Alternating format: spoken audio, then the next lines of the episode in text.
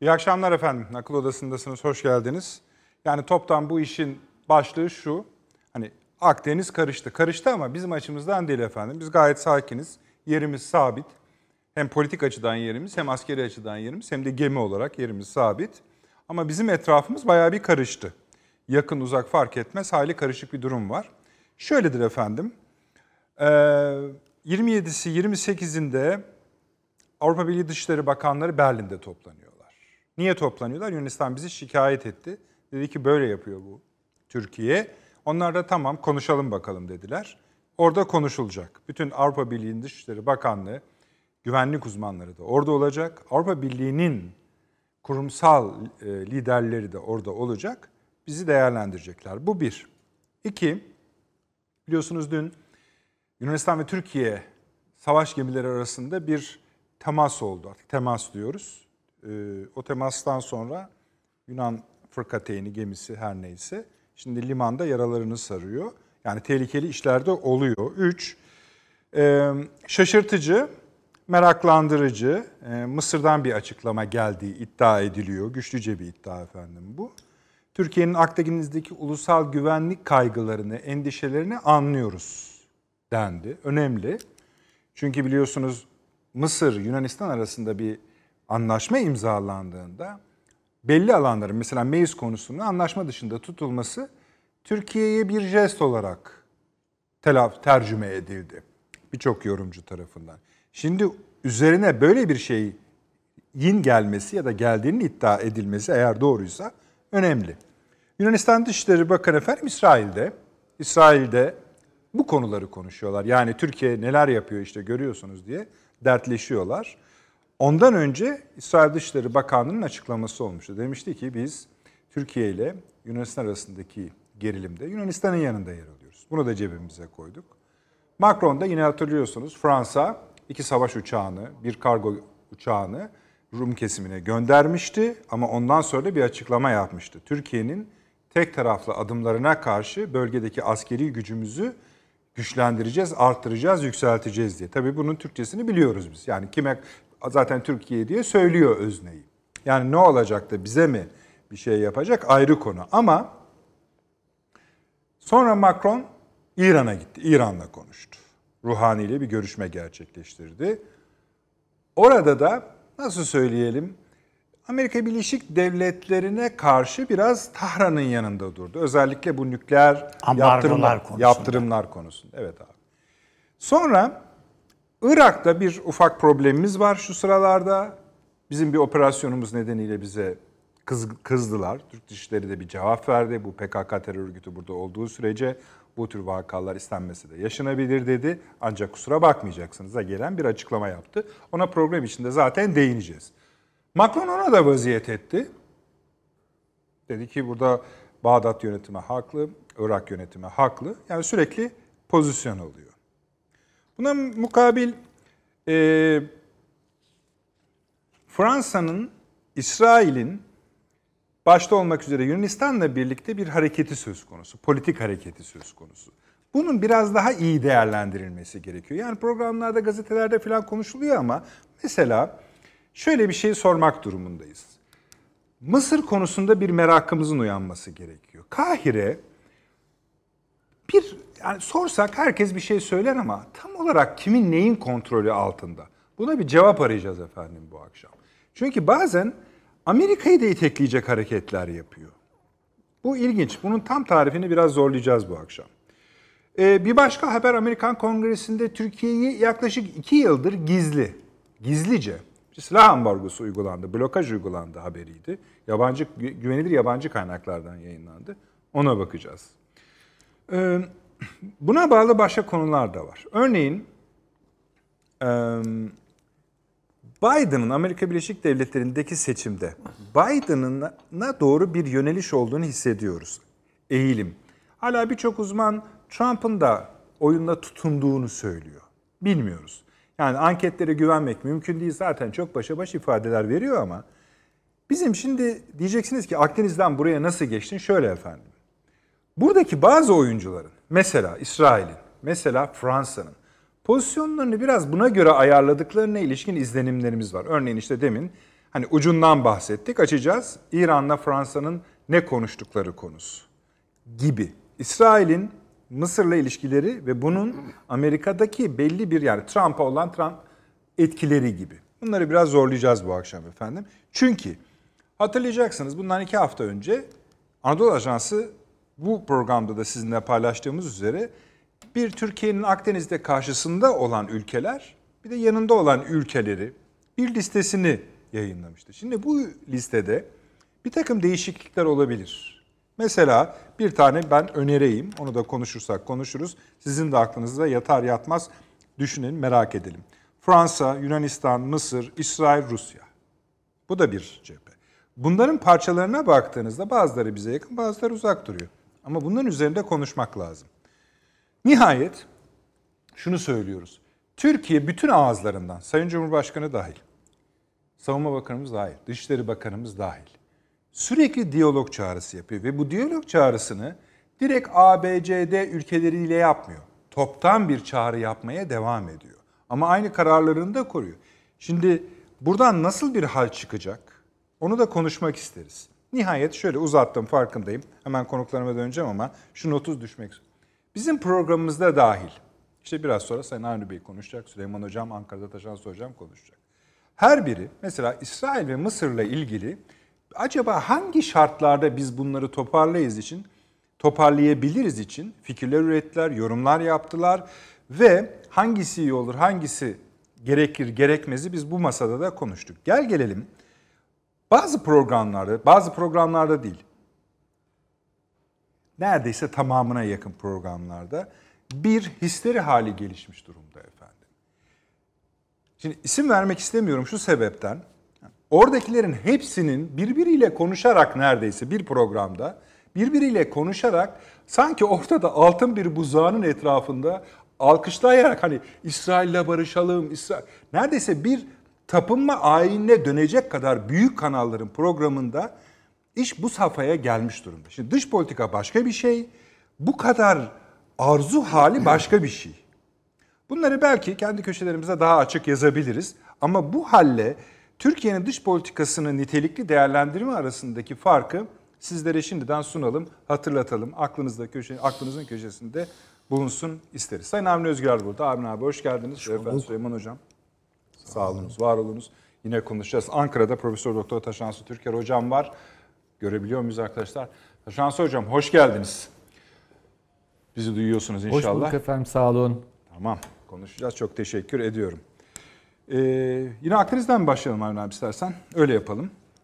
İstersen bir, yani içeriden başlasak. Muharrem Bey'le mi başlamak istiyorsun yoksa başka bir şey mi Yok. E, bir kere AK, AK Parti'nin 19. kuruluş tamam. dönemi. Hı hı. Oradan bugün. bir şey mi çekeceksin Ve, içinde? Evet. Hı. Yani tabii yani 19 yılın bir muhasebesini yaptı Sayın Cumhurbaşkanı tamam. bugün. İşin o tarafı ayrı. Tamam. Yani e, Ama diğer haber programlarında falan söylenebilir. Ama bir aydır neredeyse Türkiye'de giderek tırmanan bir üslupla bu İstanbul Sözleşmesi tartışılıyordu. Ee, ve yani ya yırtıp atarsın ya yırtıp atarız gibi havalarına getirdiler işi. Yani üstelik de bunu yapanların hepsi de muhafazakar, işte AK Parti'ye yakın ya da e, nazı geçen filan insanlar, e, bu kalem sallayanlar, e, bir takım bilim adamları, şu bu filan var yani içlerinde veya siyasetçiler var. Oysa yani e, bugün Cumhurbaşkanımız bunların hepsinin üstüne bir kalem çizdi. O ayrı.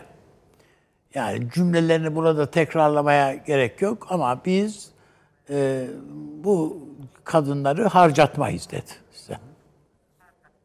Birincisi o. İkincisi bu bir önemli bir şey, durum. Yoksa siyaseten bazen tehditler çok partiye geri adım attırır yani. Evet. Bunları geçmişte başka partilerde bilmemiş, görmemiş de değiliz yani. Bunların hepsi yapıldı, oldu. Ama AK Parti'nin bir özelliği var. AK Parti esasında kadınlar elinden kurulmuş ve tırmanmış bir parti.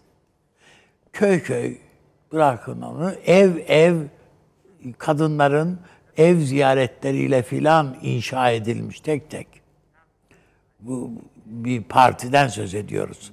Yani tak tak kapıları çalıp efendim işte merhaba biz filan diyerek gelip ziyaret edip böyle e, parmak parmak oydukları bir şey e, yapıdan söz ediyoruz. Onun için ben e, bugün Sayın Cumhurbaşkanımızın tavrını son derece anlamlı buldum. Bir, tabii AK Parti açısından bir siyasi gerçeği hakkı teslim etti. Yani bir partiyi, partisini var etmiş bir kitleyi biz bunun kıymetini bileceğiz. Sizi harcatmayız dedi. Ve, ve, ve haddinizi bilin dedi. Yani. İki, ve şöyle bir şey söyleyebilirim herhalde. Yani o şeyi o kadarını biliyoruz. Bu İslam coğrafyasını iyi kötü tanıyoruz. Gezdik, ettik. Türkiye'nin dışında böyle bir sözleşmeyi imzalayacak ikinci bir ülke yoktur. Ve Tayyip Erdoğan dışında da böyle bir sözleşmeyi imzalayacak ikinci bir lider de düşünemiyorum. Yani bu bu bakımdan da önemli. Başka her türlü eleştiriyi yapabiliriz. AK Parti'ye ilişkin şu bu filan filan ve bunlar olabilir. Yani hoşuna giden olur, gitmeyen olur filan.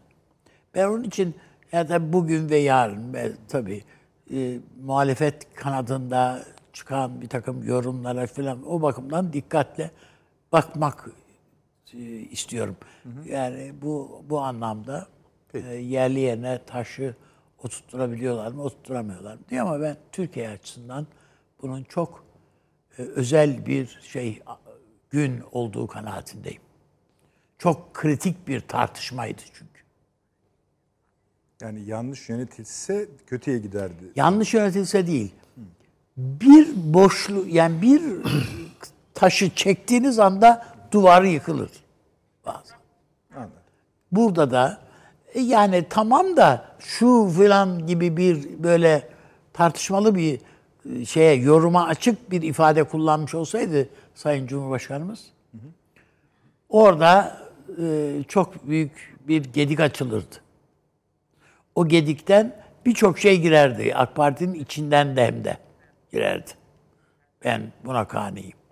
İkincisi yani e, daha önemli yani en az bunun kadar önemli bir sözü de var.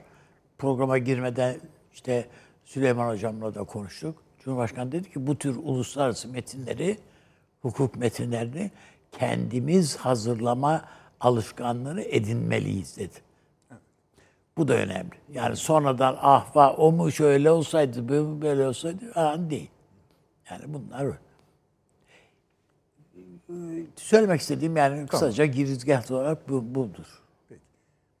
Eğer konumuza dönüyorsak şuradan ben size bir kapı ha, açabilir tabii, miyim? Evet, tamam. Ee, Berlin'le bir görüşme yapıldı. Evet, öyle. Bir de şöyle akşam vak vaktinde buna iliştirebileceğimiz bir başka gelişme. Trump tarafından yapılan evet. Birleşik Arap Emirlikleri ile İsrail arasındaki ilişkilerin altı çizilen yer şurası tamamen normalleşmesi üzerine iki ülke bir anlaşma imzaladılar. Evet yani artık Büyükelçi teatisi bundan sonra e, herhalde ağlama duvarının önünde fotoğraf çektirirler artık bunların hepsi. Yani o günleri de göreceğimiz Güzel yakındır yani hiç öyle şey değildir. Uzak değildir diye düşünüyorum. Yakışır. Yakışır. Yakışır. Yani, tabii.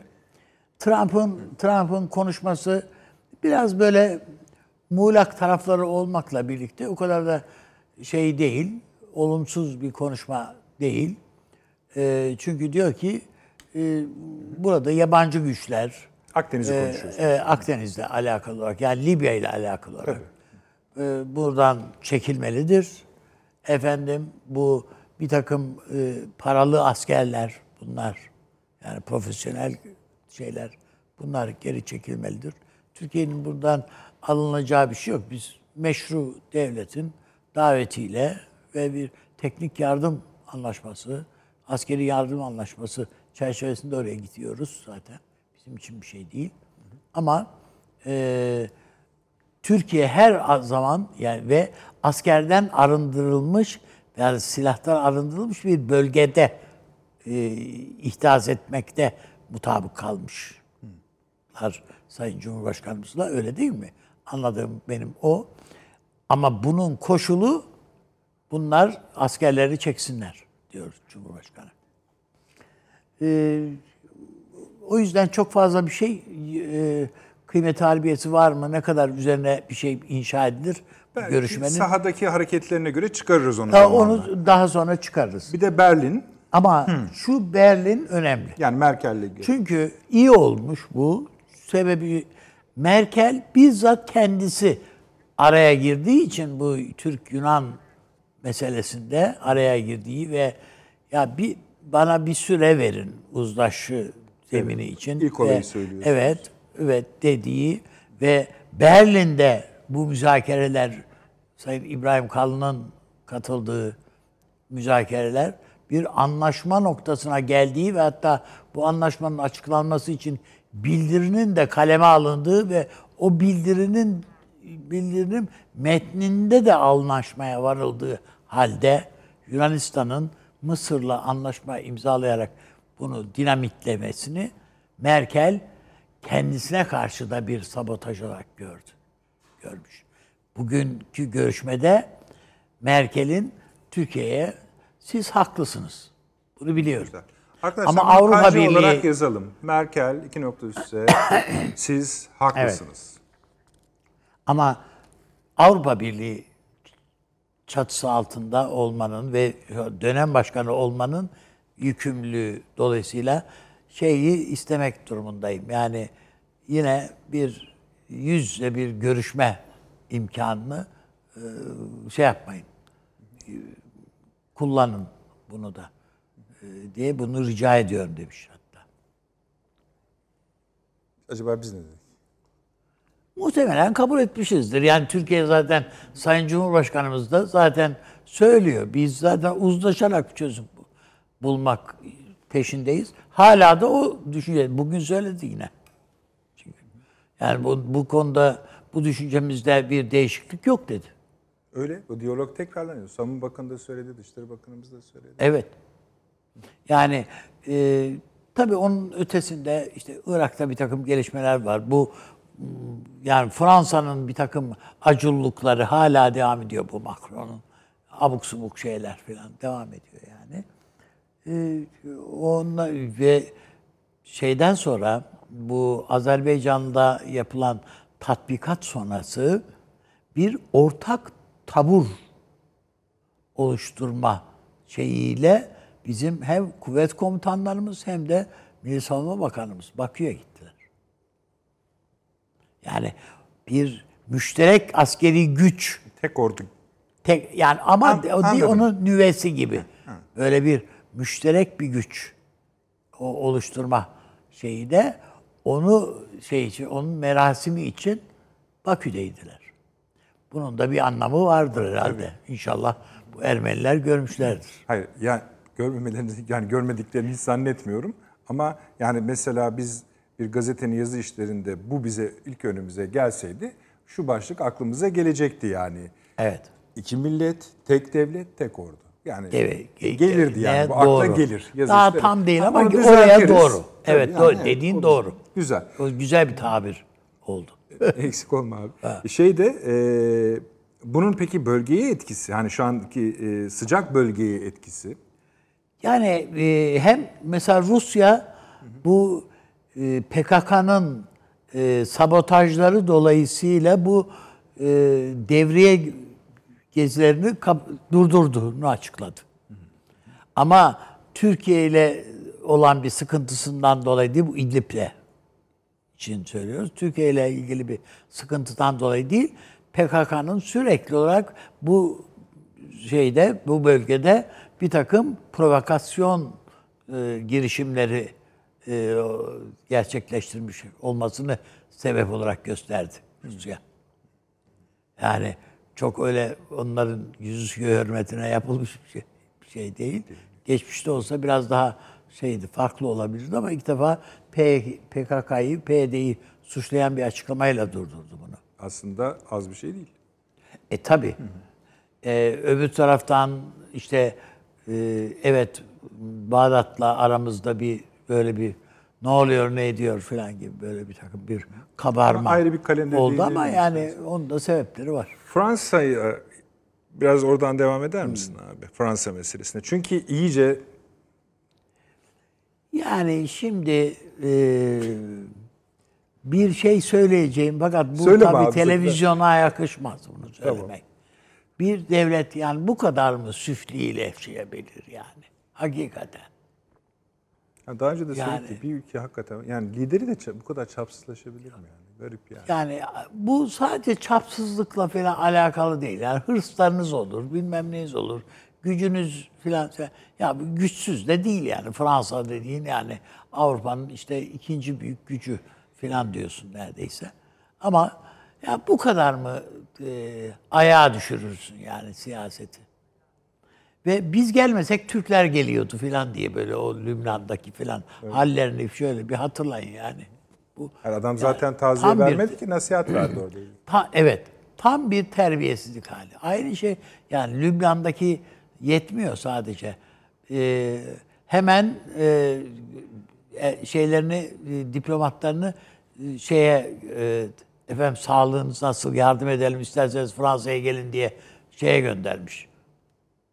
Ee, Şam'a, Esed'e. Tabii Konuşurken rahatsızlandı. Evet diye. Evet. Yani yani gelin falan diye. Ee, Yani Orta Doğu'nun cenazeleri bizden kalkar gibi- gibilerden bir şey o zaten. Neyse yani bunların hepsi tabii saygısızlık. Ama bu, bu ben Türkiye'nin sağduyuyla burada e, çok esaslı bir takım adımlar atmayanın eşiğinde olduğuna kaniyim. Ne demek ki bu? Yani Mısır'la ilgili olarak olabilir, Suriye ile ilgili olarak olabilir.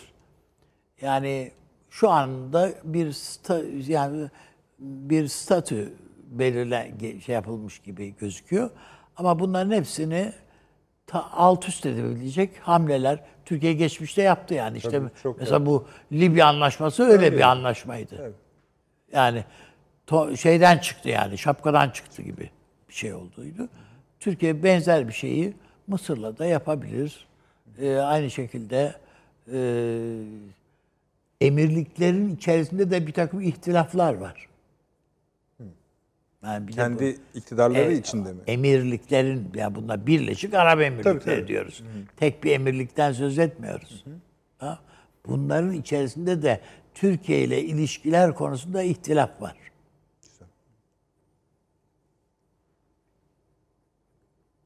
Yani Türkiye bunların hepsini ortaya koyabilir. Katar'la ilişkileri Türkiye'nin gayet doğru ve güzel gidiyor, gelişiyor. Bunun son- bunların sonuçlarını zaten birkaç yani bir yıl başından önce göreceğiz. Ee, şöyle söyleyeyim, Libya ile yapılan ticaret anlaşmasında da e, dünkü imzalanan ticaret anlaşmasının bir sonucu da o Libya'daki bizim müteahhitlerimizin alacaklarının tahsiline ilişkin Evet. şeylerdi. Evet. Yani bu, Türkiye'nin en azından şu andaki bir takım sıkıntılarını falan da e, şey yapabilecek, çözebilecek bazı şeyler var. Tamam abi. Süleyman Hocam. Evet. Şimdi adam nereden bulsa hani ben ülkeler üzerinden tek tek ilerliyorum ama siz onunla bağlı değilsiniz. Ama şunu görüyoruz Fransa özelinde. Yani Fransa'ya laf söylemek için de değil. Bir hattı tamamlama gayretiyle bunu söylüyorum. Sadece bir gün içinde. Yani dünden de alırsak Rum kesimi, Irak, İran, Suriye'ye bizim aleyhimize katkıda bulundu. Irak'ta işte o mesele nedeniyle Şam için işte yardımcı olalım sağlığınıza diye zaten Esad'ın kendisi hekim değil mi? Ya öyle de ama hani jest bu ya. İran'a da daha da büyük bir laf ederek yani Amerika'yı da zaten ben bu size uygulanan nükleer yaptırım konusunda ben Amerika'nın zaten şey olduğunu düşünüyorum. Yanlış yaptığını düşünüyorum. arkanızdayız'a kadar gelecek bir şey. Rum kesim olayını da zaten biliyorsunuz. Valla Amerika'nın boşluğu hissediliyor Akdeniz'de. doğru, doğru. Yani Amerika'nın kafası karışık şu an ve buraya çok teksif olmuş değil. Yani hatta bana kalırsa Trump dış politikadaki gelişmeleri Çin hariç Görmüyor. görmüyor bile. Yani kale bile almıyor. Tabii bir takım açıklamalar yapıyor. Mesela bizim e, Sayın Cumhurbaşkanı ile görüşüyor filan ama Akdeniz için söyleyebildiği tek şey şu. Ya şu petrol bölgelerine bulaştırmayın şu kavgalarınızı. Orası şöyle bir askerden arınmış olsun. Yarın biz bu meselelere vaziyet edeceğiz zaten. Yani şu an hiç olmazsa oradaki askeri e, varlıklar çekilsin falan. E, bence Fransa bu boşluğu dolduruyor, değerlendirmeye çalışıyor. Yani Fransa'nın yaptığı bu. Bir de Biden faktörü var sizin de işaret ettiğiniz gibi. Yani Biden'ın geleceği umudu üzerinden daha proaktif götürüyor bu işleri. Ee, işte Rusya ile el sıkışıyor, Yunanistan'la beraber Aynı heves tutuyor. Almanya'da da var tabii. Tabii tabii. Ondan sonra zaten yani Fransa ile Almanya arasında biraz Almanya tabii geri duruyor gibi gözüküyor ama bence çok geri durmuyor. Fransa hatta bu vesile Avrupa Birliği'nin liderliğini de almak istiyor. Yani. Yani öyle de bir ihtirası var. Ee, Afrika'yı toparlamaya çalışıyor. İşte tek bütün bunlara arıza çıkaran, engel olan Türkiye. Dolayısıyla Türkiye'nin bir şekilde devre dışı bırakılması gerekiyor. Ne bulursa ama. Tabii tabii. Ne bulursa. Tabii tabii. Ya Fransa yakın tarihinin hiçbir döneminde bu kadar müdahil olmadı yani buralara. Proaktif yani ölçülerde. İşte İran'a gidiyor filan falan. Bence bunlar Fransa'nın önüne konacak bu hesaplar. Eğer Trump kazanırsa. Eğer Trump kazanırsa. Artık o cümleyi tam böyle şeyli söylemiyor gibisiniz. Ya yok ben aynı Söylüyorum. aynı Ha, düşüncedeyim tamam, yani. e, Biden'la Amerika'nın alacağı bir yol yok. Hayır yani kazanma yani seçimi kimin kazanacağı konusunda demek istedim. Yani Amerika intihar etmek istiyorsa Biden'ı seçsin. Ha, Tutmayalım diyorsun. E, tabii ki yani. O, Ama işte o- arıyoruz o- sonra burada. Ha, e yani tabii ki. Demek istediğim o boşluktan doğuyor. Ee, ve şu an e, yani diğer aktörler işte sıcak gelişmelere bağlı olarak bazen Yunanistan, bazen İsrail filan ön plana. Bu esasında çok eski bir kavgaya oturuyor. Türkiye-Fransa kavgasıdır. Ve daha Libya Türkiye adımını attığı zaman ben söyledim yani eğer silah giderse bu Türkiye-Fransa savaşıdır ve bu Doğru gidişat da bunu. bunu Bunu söylediniz, evet. Evet, bunu gösteriyor zaten. Yani bunu gösteriyor. Şimdi o liste konusunda bence e, biraz dikkatli olmak lazım. Yani Anadolu Ajansı o listeyi veriyor, koyuyor önümüze. E, bir dizilim bu, bir kümelenme ama bir ittifak değil. Yani her an oradan bir taş kopabilir, iki taş kopabilir, başka şeyler olabilir. Esasında hep bunu söylüyoruz zaten. Yani listenin kendi içinde de ufak koalisyonlar var. Kendi parçasında mesela Mısır işte söylüyoruz. Bilemeyiz ne olacağını. Ama toplamının ağırlığını da tam tartamıyoruz diye düşünüyorum ben. Yani o kadar Yani Mısır, çekmiyor gibi. evet evet Mısır mesela şu an en çok sallanan taş. Yani bu bir duvarsa bile ben pek bir duvar nazarıyla bile bakmıyorum ama daha oynak bir vaziyette. Ee, Şimdi bu bağışlayın. estağfurullah. Yunanistan, İsrail bir açıklama yapıp bu krizdeki, Türkiye Yunanistan arasındaki bu krizdeki yerini belli etti. Sürpriz mi? Değil. Sürpriz tarafı ne olabilir? Bunu resmen böyle yüksek sesle açıklıyor olması. Ama e, Yunanistan Dışişleri Bakanı'nın İsrail'e gidip bu konuşmaları yapması bize ayrıca başka bir şey anlatıyor mu? Yoksa bildiğimiz adamlar işte mi? Vallahi bakın süreç işliyor. Yani bir saha var ve o sahada atılmış adımlar var. Şimdi filanca bakanın feşmekan ülkenin bakanıyla bir araya gelmiş olmasından hemen çok e, bence e, somut bir takım sonuçlar filan türetmeyelim zihnimizde. Yani bunlar olabilir. Ama şu an sahada kim yol alıyor diye baktığınız zaman Türkiye yol alıyor. Ya şimdi alıyor? e işte şeyi gönderiyor, gemisini gönderiyor, araştırmalara başlıyor. Yani kendi tanımladığı alanda ve Birleşmiş Milletler'e duyurduğu alanda adım atıyor. Ne yapacak Fransa buna şimdi? Ne yapacak yani? Veya Türkiye ile e, Libya arasındaki anlaşmayı e, işte Birleşmiş Milletler'e sunduk. Bunda hukuki hiçbir şey yok. Yani eksiklik vesaire yok. O işliyor bir taraftan. Ve Türkiye yani kendine göre adımlarını atıyor. Kararlılığını da sık sık vurgulayarak yapıyor bunu. Yani Türkiye'nin buradan dönmeyeceğini Fransa bir gün anlayacak. Yani işte anlamamış gibi yapıyor. İşte yani biraz korkuturum diyor. Geri adım attırırım diyor. Bir alıştıkları Türkiye var tabii yani böyle e, Onları da suçlamıyoruz diyorsun. ya evet yani öyle bir Türkiye var ama şimdi öyle bir Türkiye yok. Türkiye'de bu konuda kararlılığını e, gösteriyor. Yani ben e, böyle bir felaket tablosu falan görmüyorum burada. Açık söylemem lazım. Türkiye bir taraftan da soft power'ını kullanıyor, yumuşak gücünü kullanıyor. Diyor ki işte görüşmeler yapılsın. İşte iyi niyet, işte biraz bekle peki olur bekleyeyim ama bak görüyorsun ne yapıyorlar. Almanya evet haklıymışsın. E, diyor yaptığımız falan. gibi. Yani böyle haşin bir siyaset de yürütüyor ama kararlı bir siyaset yürütüyor. Şöyle bir eleştiri oluyor ama Süleyman Hocam. Şimdi evet Türkiye sürekli olarak diyalog davetinde bulunuyor. Tek tek de değil toptan gelin diyor falan filan. Ama diyorlar ki peki kardeşim sen yapacaksın ama bazılarıyla görüşmüyorsun. Yani mesela Suriye'yi mi kastediyorsunuz? Mesela Mısır mesela İsrail mesela onlar bunlar Şimdi söyleniyor. ama onları biz zaten bakınız söyledik. Yani şimdi bu nasıl planlanır, nasıl hayata geçirilir onu bilmiyorum. Ama Türkiye ile Mısır birbirini yok sayarak, şimdi dikkat edelim buraya. Yok sayma üzerine siyaset olmaz. Yok sayma üzerine diplomasi olmaz. Yani can düşmanınız bile olsa, yani husumet içinde olun. Belli bir takım eee ne söyleyelim eee, noktalar vardır, belli bir takım yapılar vardır, bir takım eee, mekanizmalar vardır. O mekanizmaları kullanırsınız. Yani o ayrı bir şey. Yani dava davalı olduğunuzla eee, hayatın her alanında, eee, her karşılaşmada sırt dönmek, yok saymak, hatta omuz atmak falan bunlar olmaz yani. Çünkü bir, bir de bir, bir şey yapacaksınız. Yani bir siyasetinizi düze çıkaracaksınız. Sisi'ye meşruluk tanımak falan değil bu. Yani Sisi'ye meşru, Sisi'yi me- meşru görmüyorsunuz ama Mısır var. Yani dolayısıyla bir bence zemin kollayıp bence bu durumdan Mısır da hiç hoşnut değil.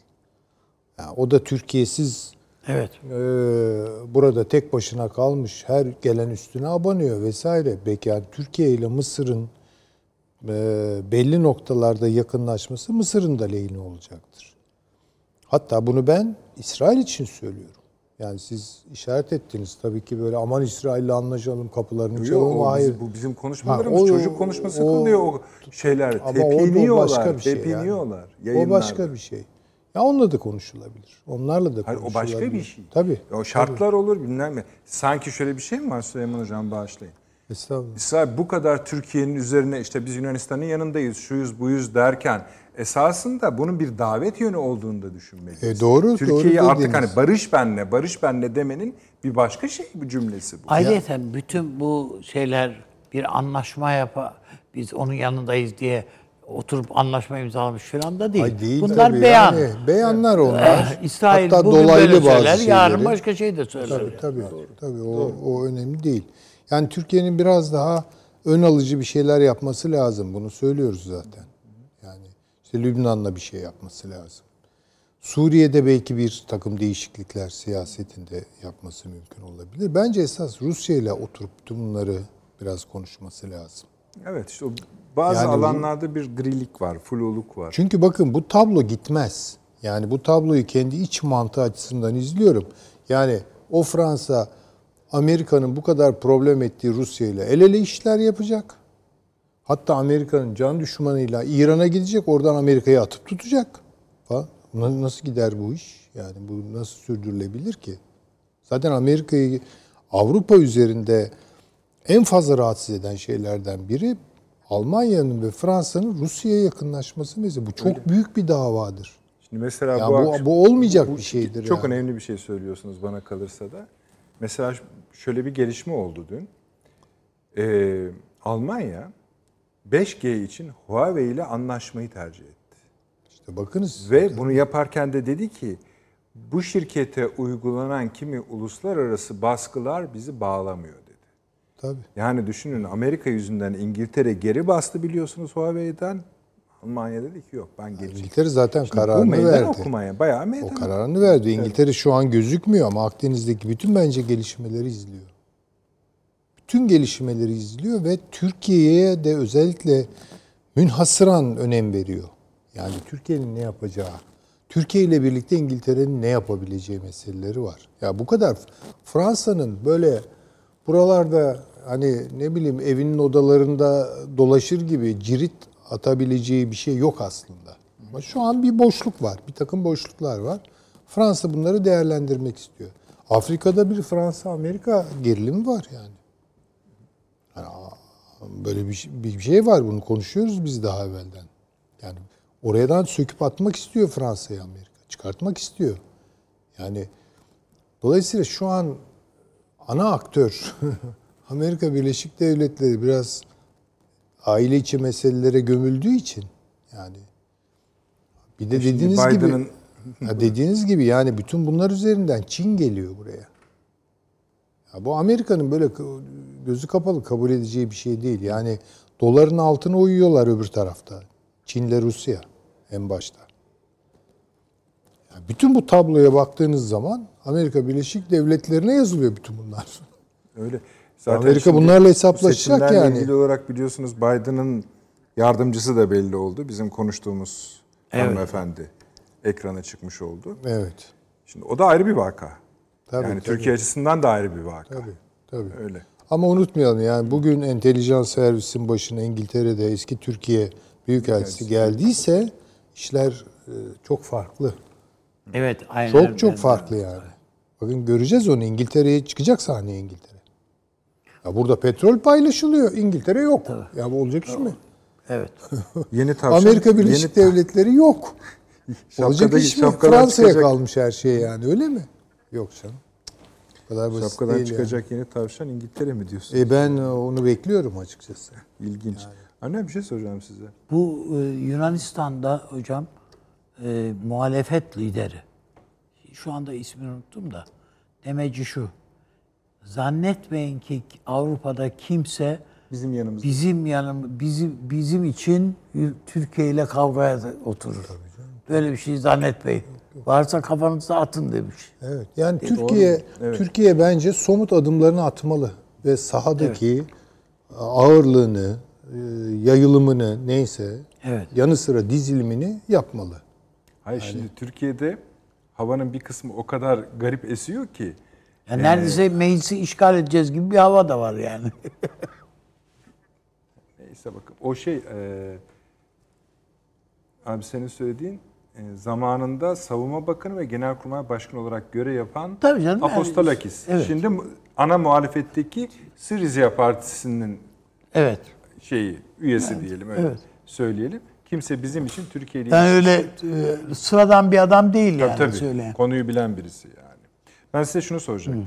Şimdi Türkiye neden e, bu eylemleri yapıyor dediğimizde somut bir şeyler sayılıyor. İşte Libya muktesebatını korumak, işte Mısır Yunanistan arasındaki anlaşmaya karşı çıkmak, kendi sahilinin, denizinin, mavi vatanı korumak. Evet. Bunlar tamam. Başka bir siyasi hedefi de var mı Türkiye'nin acaba? Şimdi şöyle yani biz iki şey olarak kendimizi tarif edebiliriz. Bir Türkiye Osmanlı bir Balkan devletiydi. İki Osmanlı bir Akdeniz devleti idi. Yani bizim mesela deniz kuvvetlerimiz filan e, biz biliyorsunuz e, şeye e, ufak çaplı ahşap gemilerle Akdeniz'de Barbaros'a kadar biz böyle geldik. Tabii. Fakat sonradan Barbaros'la olay değişti. Kadırgalar girdi devreye. Yani e, Türkiye'nin deniz teknolojisini en yakından takip ettiği ve hatta geliştirdiği şey Akdeniz'dir zaten. Savaş. Mesela kara ordumuzda o kadar teknolojiyi hızlı takip edemedik, etmedik. O ancak sonradan e, bir koşuşturmanın peşinden geldi. Ama denizde öyle değil. Denizde her zaman için Türkiye esaslı oldu ve bütün bunun bir tek şeyi var. O da Akdeniz. Akdeniz'deki ağırlığını Türkiye koruma de- kaygısında. Bizi en fazla yaralayan işte Akdeniz'deki bir yenilgimizdir yani. Yoksa Osmanlı ordusu birçok yerde bazı birçok bak yerde yendi, birçok bir takım yerlerde de yenildi. Hiç hatırlamıyoruz çoğunu bunların. Ama e, şeyin sözünü hatırlıyoruz değil mi? Siz bizim sakalımızı kestiniz filan Daha diye. güçlü. Yani bu, bu cümleleri hiç unutuyor değiliz yani. Nereden? Bu Akdeniz'de. Donanmamız yakıldığı anda böyle bu işler. Gibi. Onun için Türkiye bir Akdeniz devletidir. Bunu geç idrak ettik ama sahip çıkıyoruz kardeşim şu anda. Bizim kara ordumuzla ilgili hiçbir kampanya açmış değiliz. Ama 1960 sonrası hatırlayın. Donanma. O evet millet yapar diye bir kampanya açıldı ve yani millet do- oturup da donanma mı yapar? Hayır değil ama o hassasiyet, o duyarlılık bizim bütün kademe halkımızın bütün katmanlarına derece derece yayılmış bir şeydir ve donanmasıyla övündü Türkiye. Bugün de hakikaten Akdeniz'in en güçlü donanmalarından birine sahibiz. Fransa'dan sonra ikinci büyüklükteki donanma ve modern. Yani İngiltere'ninki neredeyse hurdaya çıktı donanması ama Türk donanması yepyenidir. Yani eksiğimiz yok mu? Var. Uçak gemimiz yok. Daha ufak çaplı var. Bu Amerika eğer e, kıvırmasaydı bu F-35'lerde e, orada da güçlüyüz. Orada da güçlüyüz. Ne bilelim adamın yani B tipini bize vermeye askıya alacağını filan hesaplayamadık onu. O kadarını da mazur görmek lazım. Ama eninde sonunda o da gelir. Ça- çaresi yok çünkü. Türkiye Akdeniz'in en güçlü donanmasına sahip. Bütün bunların hepsini Mısır filan biliyorlar kardeşim. Bilmiyor değiller yani. Yedi düelden şey toplamış ya mermi toplamış, silah toplamış adam. O ona uymaz, öbürü ona uymaz. Namlusunu alsan kundağa uymaz bilmem ne. Bir yığın abuk subuk şeyi var. Engeli var Mısır'ın. Yani bin tane şey bizim İslahiye tank taburunda şöyle bin tane tank vardı. Bu tankları manevra için İskenderun'a e, götürürlerken bin tanesinden kaç tanesinin oraya ulaşabileceğine dair bir hesaplama da önceden yapılıyor idi. Şimdi bunların hepsi kalktı. Bütün hepsi modernize edilmiş. Şu bu filan. Mısır ordusunun tankı mankı bu, bu halde şimdi.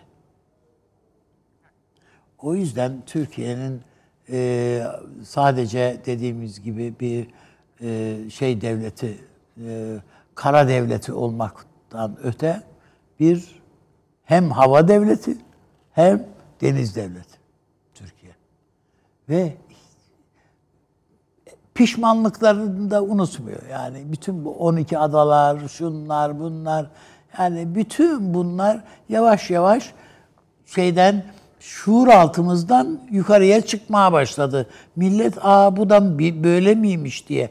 Kimse bil, ne bilsin Eşek Adası'nın bizim ve Muğla valisine bağlı olduğunu ama bunların uyanıklık edip gidip orayı işgal ettiğini. Bilmiyoruz ya, bilmiyorlar. Efendim Meis Adası'nın bize iki kilometre olduğunu, Türkiye daha yeni öyle. Bizde giden, eden, bakan, eden yok. Olmadı yani. Ama şimdi öyle değil. Bu bilinç gelişiyor. İşte bu, bu tamam da işte bu bu Bu nasıl bugün bilinç düzeyine geliyor. Peki, anladım. Yarın başka bir Anladım, düzeye de gelir. Anladım, anladım. Peki. Yani anladım. öyle bir anda olan bir şey değil bu. Peki. Türkiye'nin 1960 öncesi bir dönemi vardır ki bizim Kıbrıs diye bir meselemiz yoktu. Yoktur diyordu. denildi. Ne oldu? İki sene sonra rahmetli Menderes anlaşmayı imzalamak için gitti.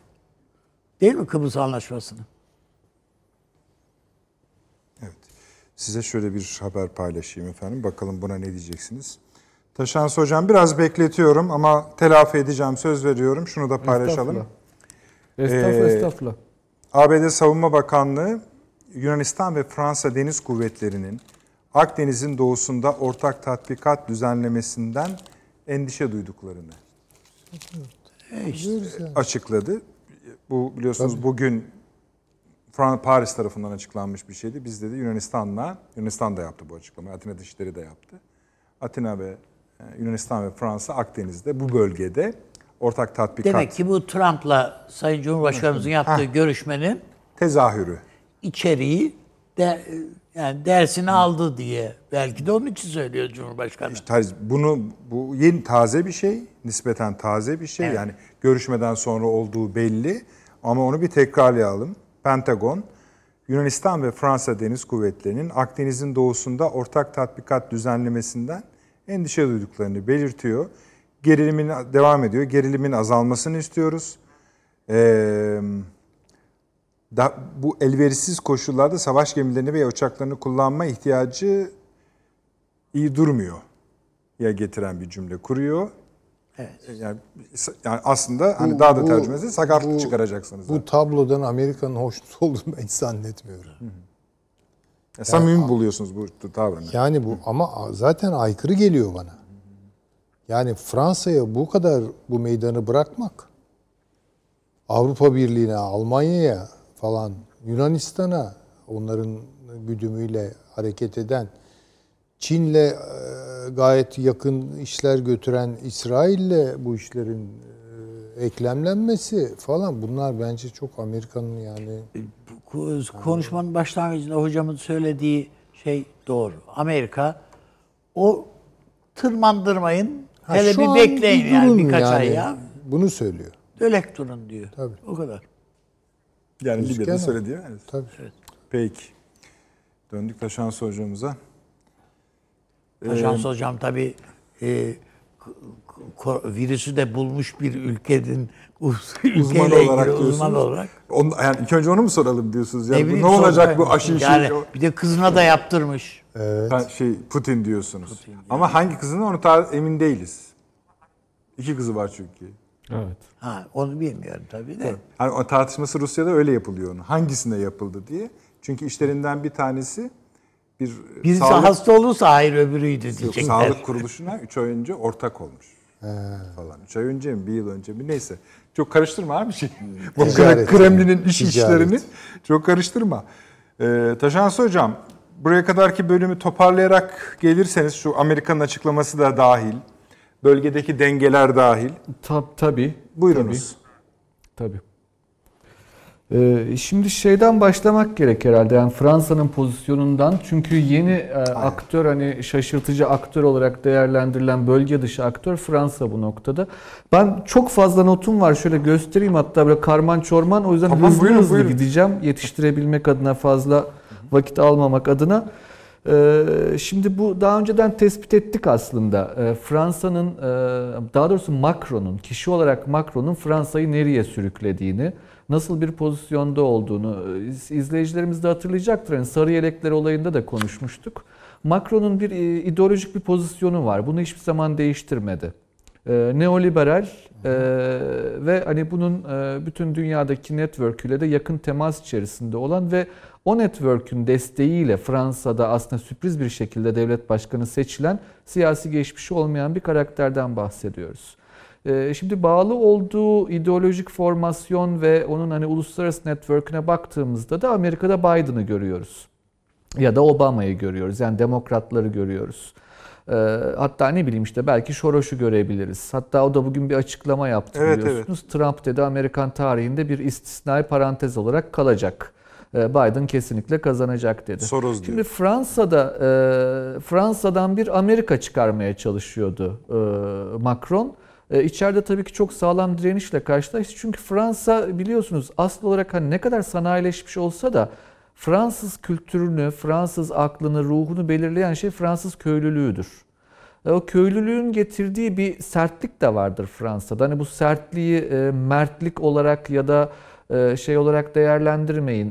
Nedir onun adı? Geri dönmezlik vesaire gibi değil de biraz künttür o olaylara yaklaşımı. Yani işte İngiliz İngiltere'nin aristokrasi kültürü nasıl İngiltere'de bir diplomasi yarattıysa Fransa'da da köylülük kültürü bir diplomasi yaratmıştır. O yüzden hani e, bazen çok e, nasıl söyleyelim keskin hareketler e, görebilirsiniz Fransa'dan. Macron da bunun bir temsilcisi. Fransız devletiyle Macron'un arası nasıl diye baktığınızda yani siyaset yapımına baktığınızda bugün Fransa'da daha önce de söyledim bunu. E, pek çok think tank yan yana gelip mesela Le Monde gazetesinde bir ilan yayınladılar. Dışişleri Bakanlığı'nı, Evet. Savunma Bakanlığı'nı, e, meclisi dinlemeyen bir Macron portresi çiziliyor burada. E, belli ki kendi ideolojik formasyonu ve network çerçevesinde hareket ediyor. Peki nedir bu? Nasıl bir projeksiyon var kafasında? Daha önce Libya konusunda bundan 5-6 ay kadar evvel söyleme fırsatı bulmuştum. E, Libya konusunda e, Macron derdi şu demiştik o zaman.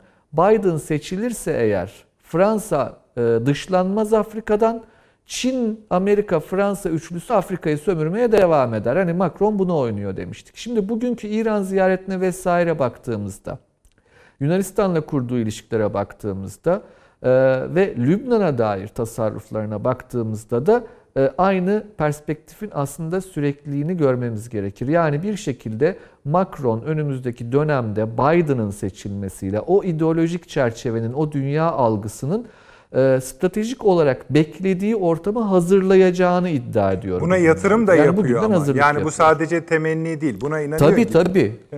Söz değil. Bravo. Kesinlikle tam da söylemek istediğim bu. Sözden bahsetmiyoruz. Ee, sanki Biden gelmeden önce ortalığı onun için birazcık derleyip toplamaya çalışıyor gibi bir izlenim e, ben ediniyorum. E, aynı şey aslında e, baktığınızda İsrail tarafında da görmek mümkündür, Rusya tarafında da görmek mümkündür. Hani böyle bir Biden'a da doğru hazırlık e, emareleri var ama herkes tedbirli. Yani tedbir ve ihtiyat paylarını bırakarak bunu yaparken Macron e, ya olursa ne ala olmazsa zaten bırakırım devlet başkanlığını Fransa'da ne olursa olsun gibi bir akıl yapısına sahip. Şimdi Fransa'nın içinde Macron'un bu durumu e, ile Fransa'yı Almanya ile bir karşılaştırmamız gerekecektir. Fransa'da e, Macron'un iktidara gelişiyle beraber şöyle bir iddia ortaya kondu Macron tarafından. Almanya büyük, kocaman bir gövdesi var, çok kuvvetli ama beyni yok. Biz Fransızlar ise Avrupa adına akıl üreten toplumuz. Zaten Fransız devriminden beri aydınlanma vesaire hepsi bizim işimiz. Dolayısıyla Avrupa'nın geleceğini biz çizeceğiz. E, Bu Alman e, işçi sınıfı da bizim için üretir, fabrikalarda çalışır ama Avrupa'nın kültürel, siyasal kimliğini yaratmak Fransa'nın tek elindedir gibi bir e, Fransız milliyetçi şeyi vardır, e, takıntısı. Macron da tabii ki bundan istisna bir karakter değil. E, O çerçevede de Almanya'yı peşinden sürüklemeye çalışıyor stratejik anlamda. Ancak ciddi bir rekabet haline aldı bu durum şimdi. Çünkü Almanya ve Fransa'nın çok farklılaştığı noktalar var. Şimdi bunlardan bir tanesi Türkiye. Konuya hızla geleceğim. E, Türkiye konusunda mesela Merkel, e, Macron gibi bir tavır sergilemiyor. Acaba hani Türklerin kara kaşına, kara gözüne hayran olduğu için midir Merkel? Hiç zannetmem. Yani e, hiç Almanya'dan da öyle bir şey beklemem işin açıkçası. Taşansı E, hocam ancak Almanya açısından bazı buyurun. virgül, kısa virgül Süleyman hocam. Ee, ben Buyurun, tabii buyurun, kesmek buyurun. istemiyorum izninizle e, değerli meslektaşım. Esta, Ee, estağfurullah hocam. Bu Almanya meselesi pek bence öyle değil. Çünkü Almanya'nın çok ciddi bir anti-Türkiye siyaseti yürüttüğünü düşünüyorum. Özellikle Var. Evet ya mesela turizm meselesinde baltalıyor. FETÖ'cüleri iade etmiyor. PKK'ya, PYD olan desteğini kesinlikle sürdürüyor. Ve bence bu konuda Fransa'nın dışında yani Fransa'dan daha az e, Türkiye düşmanlığı yapmıyor. Bence hatta daha beterini yapıyor. Hatta bu son Türkiye-Yunanistan meselesindeki ara buluculuğu dahi tuzaklı olabilir. İşte tabii orada da bence yattı yani. Hiç ben Yalnız şeye hocam güvenmiyorum. şöyle bir şey yani şey yapmak istemedim yani Yok ben de eklerim süresine hocamı Taşansı da, hocam. Ankara'yı kayırırız şu, yani. Alman devleti ikili bir yapı. Bir Amerika'nın Almanyası var. Almanya'nın içinde. Bir de işte Hristiyan Demokrat falan neyse işte Merkel'in Almanya'sı. E, var. Almanya var diyorsun. Abi Almanya var. Bu Amerika'nın Almanya'sı dediğim Amerika Alman İstihbarat Teşkilatı'dır. Az önce hocamın söylediği boyutları hepsini organize eden Alman İstihbarat Teşkilatı'dır. Yani Tabii ki. bu bu e, doğrudan sadece CIA'nin kurduğu bir istihbarat teşkilatı. Hiç Alman devletine bile hesap vermezler bunlar yani açıkçası. E, Doğru. yani bütün bu FETÖ'cüleri oraya yerleştiren, maaşlar bağlayan, efendim PKK'nın e, orada palazlanmasını sağlayan, Avrupa Parlamentosu'nda PKK'ya kapıyı açan, yani hepsi Alman istihbarat teşkilatı. Peki. Süleyman Hocam tamam Ee, mısınız? Yani, yani bu iki Almanya'yı biraz gö- görme iht- yani tabii bir biraz Amerika'nın birbirine tabii iç içedir yani. Evet bunlar yani ama Amerika'nın cenderesinden kurtulmak isteyen bir Almanya var. Ama bu nereye kadardır? Yani bu bu bence bütün sinir merkezlerini falan tutmuştur bu. Ee, Hocam de Amerika önceden Birleşik bunlar Devletleri. cephe ülkesiydi. Bir de ayrıca ve tabii öyle. korunaklıydılar. Öyledir yani. Şimdi Amerika diyor ki biz Almanya'yı terk ediyoruz kardeşim. Hadi biz Allah'a ısmarladık biz Polonya'ya yerleşiyoruz diyor. Evet evet. Şimdi zaten. çok haklı olarak e, çok uzatmak istemiyorum ben hani e, zevkle dinliyorum. E, şunu da görmemiz lazım. Bence Amerika Birleşik şey Almanya bu Biden'lı bir şeyi istiyor elbette dünyayı istiyor. Biden'ın Amerikan başkanı olduğu bir dünyayı istiyor. Böyle bir dünyanın hazırlığını da Türkiye'de Şimdi Yusuf e, Alabar'da e, da şey göndermiş, ona dipnot vererek söylüyorum. Muhalefetini de Türkiye'nin örgütlüyor. Bakın dikkat edelim yani. Buralarda başka şeyler var. Şu an Almanya'nın e, Türkiye siyaseti belki dönemsel olarak en keskin Türkiye karşıtlığı üzerine kurulmuş durumda. Bu bunu bence görmemiz lazım. Yani onun için Tamam. bir araya Kapat. şey yap. Tamam mı abi? Evet, Tamam kapattık. Taşanız Hocam. Eklendi sürenize merak etmeyin buyurun. Harika. E, Estağfurullah, estağfurullah. E, Gayet güzel bir katkı oldu. Ben de bu e, paranteze dair hemen e, yorumumu söyleyeyim. E, Ben orada söylenenlere katılıyorum fakat benim e, Fransa-Almanya karşılaştırma bir ölçüyle ilgili. Yani e, şöyle bir şey söylemiyorum. Almanya Türkiye'ye dosttur e, veya Merkel Türkiye'ye bayılır tam onu söylemek istiyordum. Türklerin kara kaşına kara gözüne hayran olduğu için değildir. Çok buna niyeti de olmayabilir. Ancak bir Fransa-Almanya karşılaşmasında, Fransa-Almanya rekabetinde ölçünün Fransa tarafından kaçırıldığını düşünmektedir Almanya. Şu anlamda e, evet Almanya işte pek çok anlamda Türkiye'nin e, sinir uçlarıyla oynamaktadır. Bundan da vazgeçmez. Ancak bunun bir ölçüsü vardır. O ölçü kırılacak olur, geçilecek olursa eğer kendisine vereceği zararı hesaplayacak bir aklı vardır Almanya'nın. İşte Fransa'ya o yüzden kısmen dur diyor diye düşünüyorum. Nedir bunlar diye baktığımızda birincisi Almanya'nın kendi sosyolojik yapısı yani içerideki Türk nüfus belli bir şekilde e, bu gerginliğin özellikle denizde bir çatışmaya dönme ihtimalini Frans- Fransa tarafından yaratılması Almanya için kabul edilebilir değildir. Kendi iç e, e, nüfusundaki yani nüfusundaki Türk unsurdan dolayı. İkincisi Almanya ne olursa olsun göç konusunu ciddiye alır. Yani Türkiye'de şu an e, mukim e, takribi 4 milyon e, Suriyeli e, ve diğer ülkelerden gelen göçmenler Almanya için ciddi bir konudur. E, o konuda Türkiye'nin çok çok üstüne gitmek istemeyecektir. Diğer bir husus stratejiktir. Orta Doğu açılımı, Kafkasya ve Orta Asya açılımı için de Türkiye'ye e, yapacağı, vereceği zararın mutlaka bir ölçüsü olduğunu hesaplar. E, bir diğeri yine stratejiyle ilgili olarak Balkanlarda Türkiye'yi mutlaka yanında ister kendisinin algıladığı Rusya tehdidine karşı. Ee, diğer bir husus ise ekonomiktir. Yani Türkiye çok çok büyük bir e, ekonomik güçtür. Almanya açısından öyle kolay kolay tamamen itilip kakılacak bir ülke değildir. Macron'un şu an yaptığı ise Türkiye'yi tamamen yok sayan, e, itip kakmaya çalışan bir politika. Söylemeye çalıştığım şey e, Merkel hani e, Macron'a ya yapma biz onları seviyoruz diyor değil. Sadece aşırıya gitme e, diyor olsa gerek. E, bu Almanya e, Fransa karşılaştırmasını böyle yapmakta fayda var diye düşünüyorum. Şimdi bir de e, bu teoride çok tartışılan bir husustur. E, kişisel ilişkiler ile e, ülkelerin ulusal çıkarları ne kadar örtüşür, istisnai durumlar var mıdır? Örneğin şöyle söyleyeyim. Alman ulus devletinin çıkarı şu yöndedir, ulusal çıkarı şu yöndedir ama Almanya Başbakanı'nın kişisel bir çıkarı vardır. Bu o zaman ulusal çıkar aleyhine işler mi yoksa Alman Başbakanı kendi kişisel çıkarını ulusal çıkara eklemler, o, pot, o e, paralelde mi yürür diye. Biraz önce söylediğiniz e, önemli bir husustur Almanya'nın Huawei ile iş yapma ihtimali. E, ben dünyada artık e, kişisel çıkarların ulusal çıkar kavramını ziyadesiyle aşındırdığı bir dönemde olduğumuzu düşünüyorum. E, Gerhard Schröder'in e, tutup Gazprom CEO'su olması gibi e, Huawei eğer Almanya ile anlaşabiliyorsa yakında Heiko Maas da e, Huawei'in CEO'su olabilir. Bu Alman ulus devletinin çıkarına mıdır? Alman ulusal çıkarları ve Alman ulusal politikasının içinde midir, değil midir ise önemli bir tartışmadır bence. Buna bir bakmakta fayda var. Şimdi Fransa'nın bölgeye dair politikasına hızla geçmek istiyorum. Bir fırkateyn ve iki tane Rafael uçak, e, Rafael gemi yolladı. Pardon, Rafael e, uçak yolladı e, Fransa Doğu Akdeniz'e.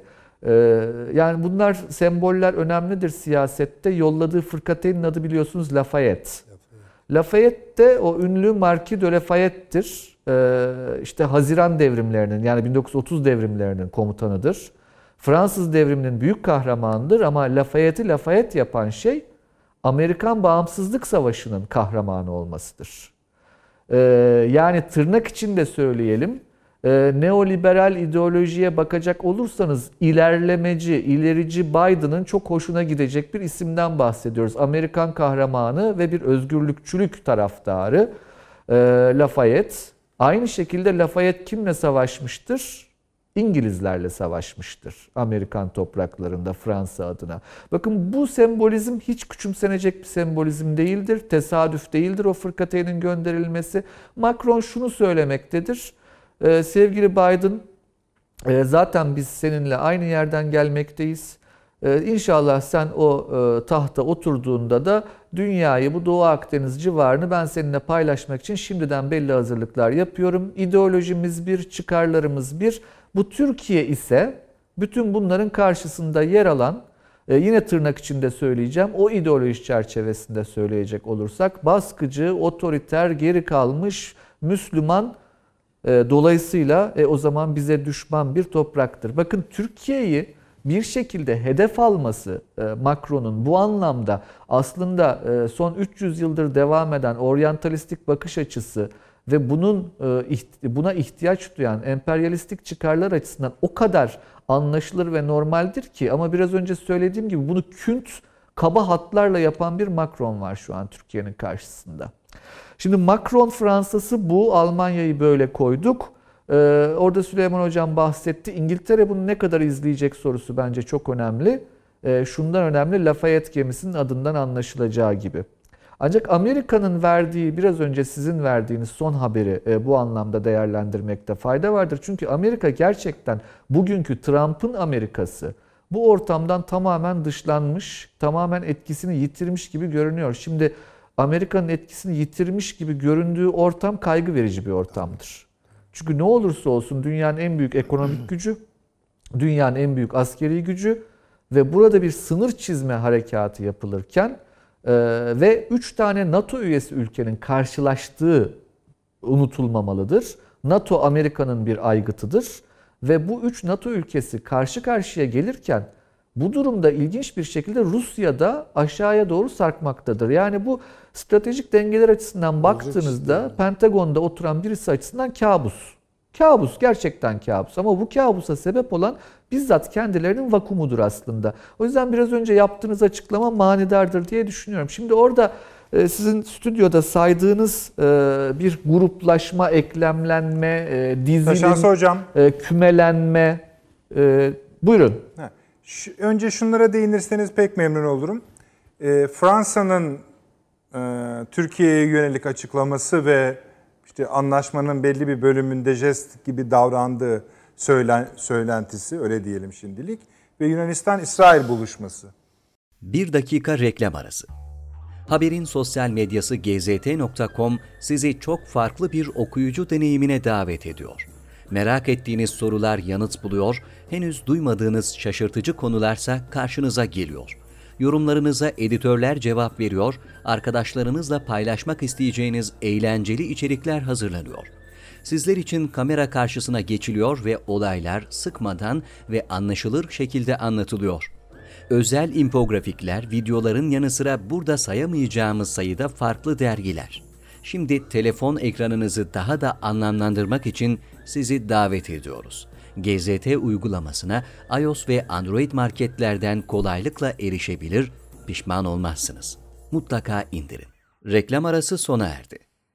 Evet, e, tam o, o oradan devam etmek Buyurun. istiyordum ben de. Buyurun. E, şimdi burada e, Mısır'a baktığımızda ben de Mısır'a geçecektim. Bu kümelenmeyi bir sayalım isterseniz. Hani benim kafamda kümelenme Libya'da oluşan bir kümelenmenin aslında başka yerlere de teşmil edildiği şeklinde. O da şöyle: Buyurun. Fransa, Mısır, İsrail, Birleşik Arap Emirlikleri, Rusya, hatta bunun arkasına işte Bahreyn'i, Suudi Arabistan'ı vesaire de ekleyebilirsiniz. Tamam. Şimdi karşımızdaki kümeler ama bunlara bakacak olursak Fransa'ya baktık.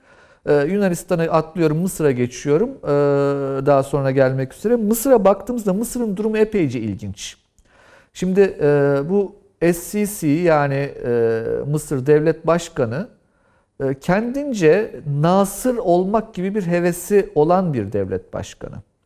Ve Çok o yüzden hikmetli garip işler de yaptı. Yani Türkiye'de çok konuşulmayan garip işler bunlar. Mesela e, rezonans NE diye bir radar sistemi satın aldı Rusya'dan. Bu rezonans NE radar sistemi e, S-500'lerde kullanılan radar sisteminin geliştirilmiş hali. Ve Mısır'a bunlar yerleştirildiği andan itibaren ki yerleştirildiğini Katsa e, dair haberler de var. İskenderiye'den e, Antalya'ya kadar e, bizim uçuşlarımızı da kontrol edebilen ve ama aynı zamanda İsrail'in elindeki F-35'leri de gözleyebilen e, bir radar sistemi bu. Bu bakın çok önemli bir şey. Çünkü radar dediğiniz şey askeri anlamda e, biliyorsunuz bütün Akdeniz'i kap- kapsayan bir radardan bahsediyoruz. Rezonans NE. İkincisi Su-35'leri satın aldı. Ee, yine Rusya'dan. Ve Amerika'dan da şu açıklama geldi. Kaatsa kapsamına alınacaktır Mısır diye. Şimdi burada bakın ilginç ilginç. olan nokta şudur.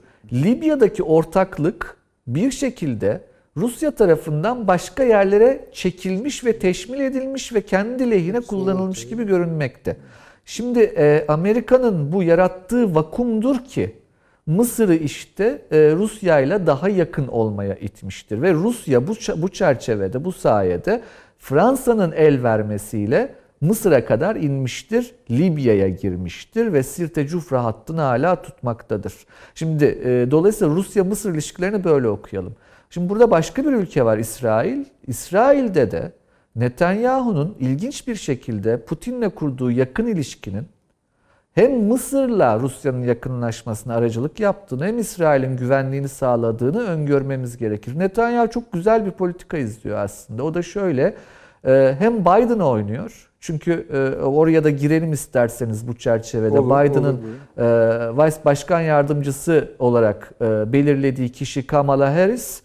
E, annesi Hintli, e, babası Jamaikalı. E, gerçekten ilginçtir bu e, Amerika için. Jamaikalı olması ilginçtir. Yani Hintlilikte bir ilginçlik yok ama e, Jamaikalılık nasıl söyleyeyim size? Hani benim en yakın hatırladığım bundan bir 5-6 sene evvel e, garsona, garson kadına benim bir e, arkadaşım Ürdünlüydü o da. Kızdı ve bak kadın ben Arabım dedi. Garson da şöyle baktı. Ben Jamaikalıyım dedi.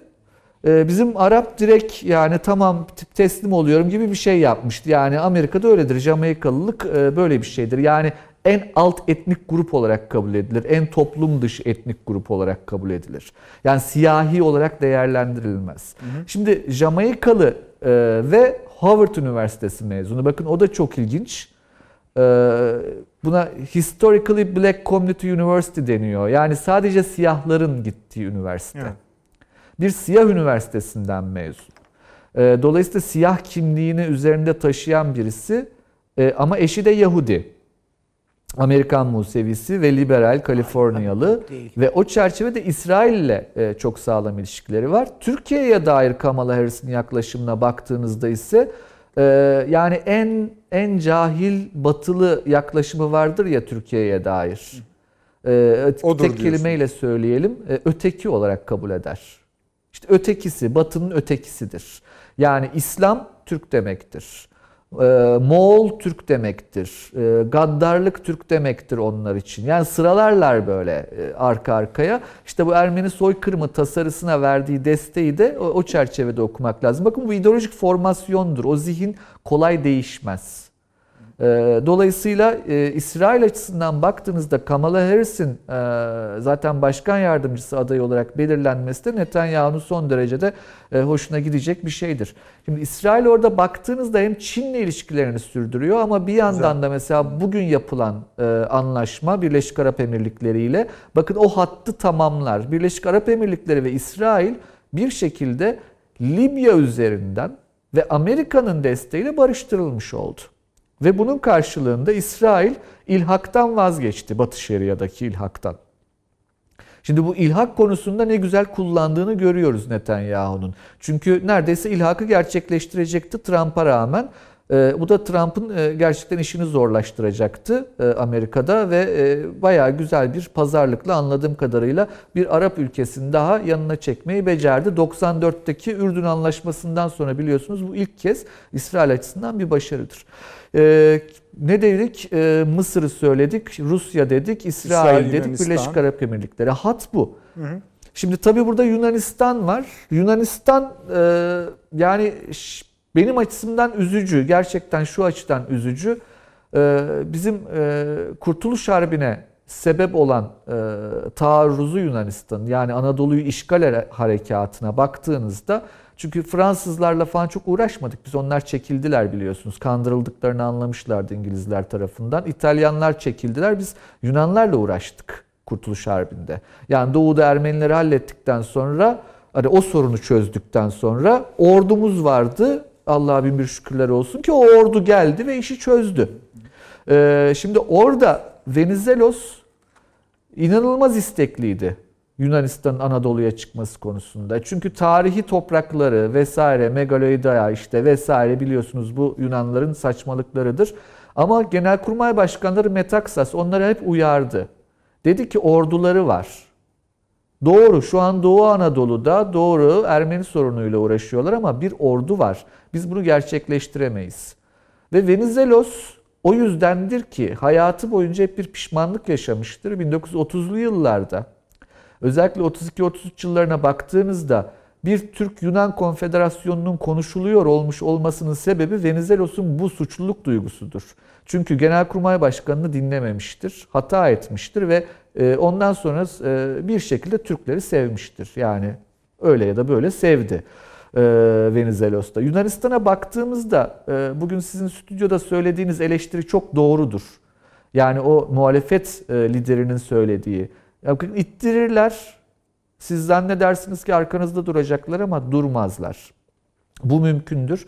Ama şu anki pakta baktığınızda burada bu paktın bir şekilde çözülmesini sağlayacak olan şey eğer olursa Amerika'nın Mısır'a bir müdahalesi olabilir. Yani bu e, Sisi'ye bir müdahale olabilir. Yani sözle. Sisi'yi değiştirmek olabilir. Ama şu an Amerika öyle bir durumda mıdır onu bilemeyiz. Yani çünkü orada da başkanlık seçimleri var.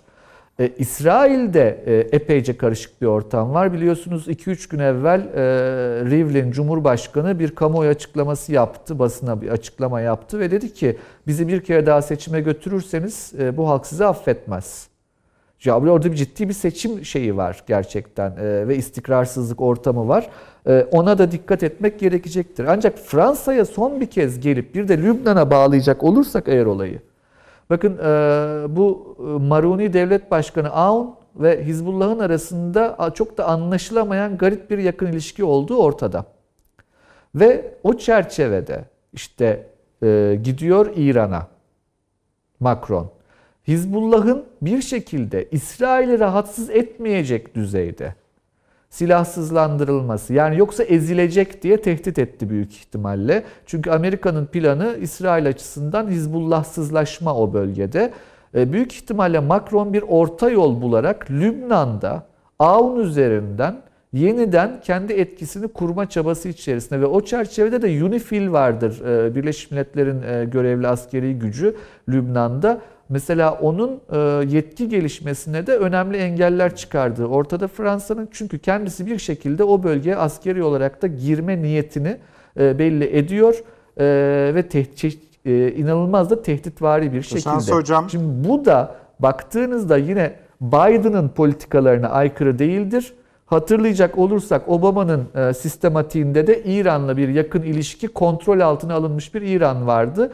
E, ben böylece dediğim gibi Tamam. şu kağıt ancak böyle toplanırdı deyip Tamam, hepinizden sab- sabrınız için Teşekkür teşekkürler diyeyim. Ee, ekleyecek bir şeyiniz yoksa bir reklama gidebilir miyim? Tabii, tabii. Tamam. Arkadaşlar bir reklama gidelim. Kısadır efendim. Hemen döneceğiz. Bir dakika reklam arası. Haberin sosyal medyası gzt.com sizi çok farklı bir okuyucu deneyimine davet ediyor. Merak ettiğiniz sorular yanıt buluyor, henüz duymadığınız şaşırtıcı konularsa karşınıza geliyor. Yorumlarınıza editörler cevap veriyor, arkadaşlarınızla paylaşmak isteyeceğiniz eğlenceli içerikler hazırlanıyor. Sizler için kamera karşısına geçiliyor ve olaylar sıkmadan ve anlaşılır şekilde anlatılıyor. Özel infografikler, videoların yanı sıra burada sayamayacağımız sayıda farklı dergiler. Şimdi telefon ekranınızı daha da anlamlandırmak için sizi davet ediyoruz. GZT uygulamasına iOS ve Android marketlerden kolaylıkla erişebilir, pişman olmazsınız. Mutlaka indirin. Reklam arası sona erdi. Döndük efendim. Akıl devam ediyor. Artık puzzle'a dönmüş bir denizi parçaları yerine oturtmaya çalışarak hatta geleceği de biraz kestirmeye gayret ederek öyle söyleyelim. Asıl amacımız o zaten. Çok fazla sayıda belirsizlik var. Onları da seçeneklere göre kurmaya gayret ediyoruz. Süleyman Hocam söyleyecekleriniz var sanırım. Ee, tabii çok e, güzel bir değerlendirme dinledik e, Taşansı Hoca'dan. Ama şöyle bir şeyi de e, manzarayı da e, doğrusu görmek durumundayız. Şimdi Huawei'yi en başta destekleyen e, Birleşik Krallık'tı. İngiltere, tabii tabii. Meydan da okudu. Tabii tabii. Fakat sonra birden Huawei'yi dışladı. Bu şu demektir.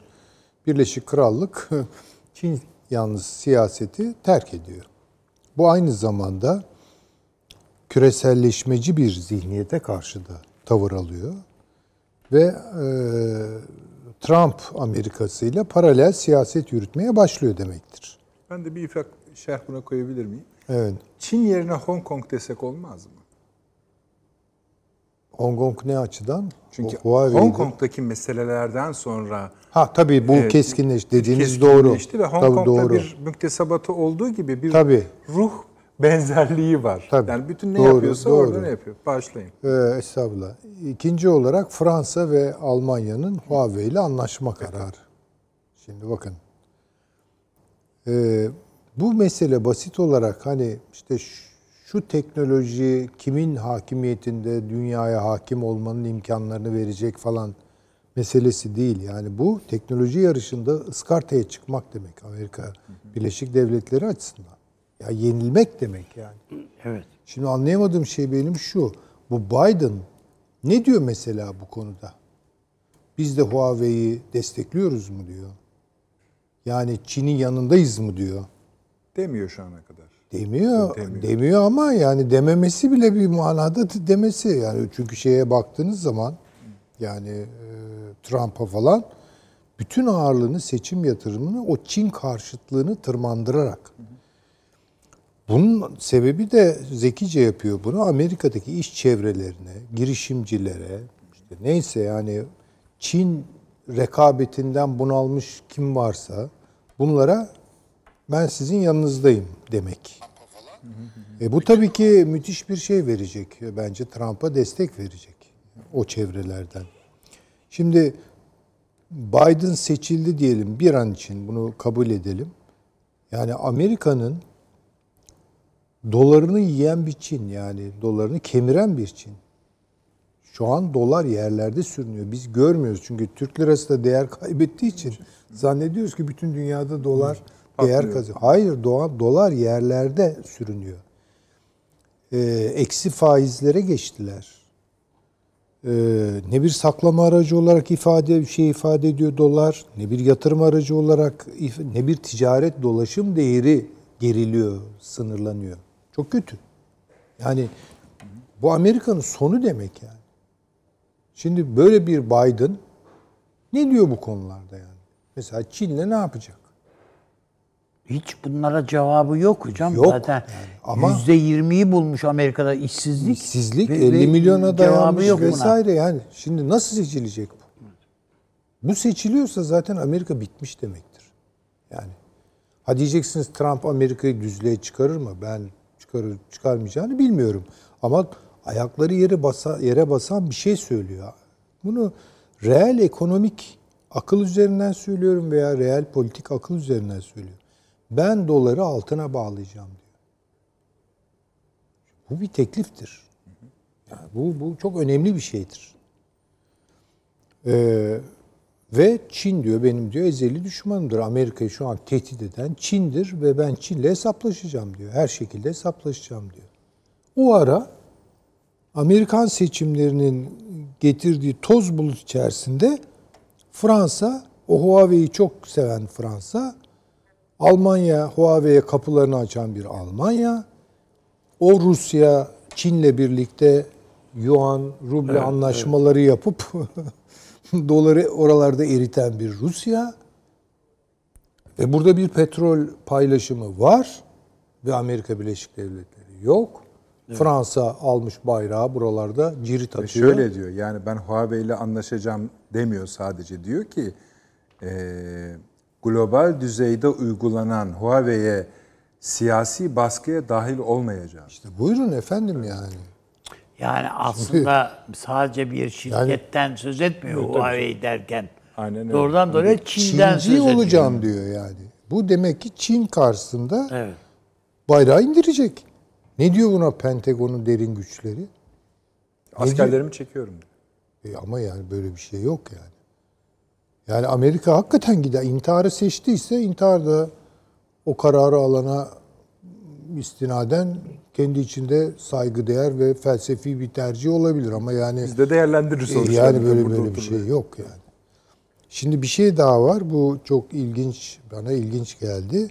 Şu an İngiltere'de, Birleşik Krallık'ta entelijans servisin başına geçen bizim de çok sevdiğimiz Beşiktaşlı olmasıyla ben de biraz Hasebiyle diyorsun.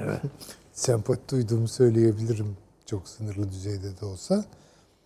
Ee, basbaya yani Almanya ile İngiltere arasındaki hesaplaşmayı buna Fransa'da dahil ama esas olarak gözünü Almanya'yı kestirmiş bir adam yani.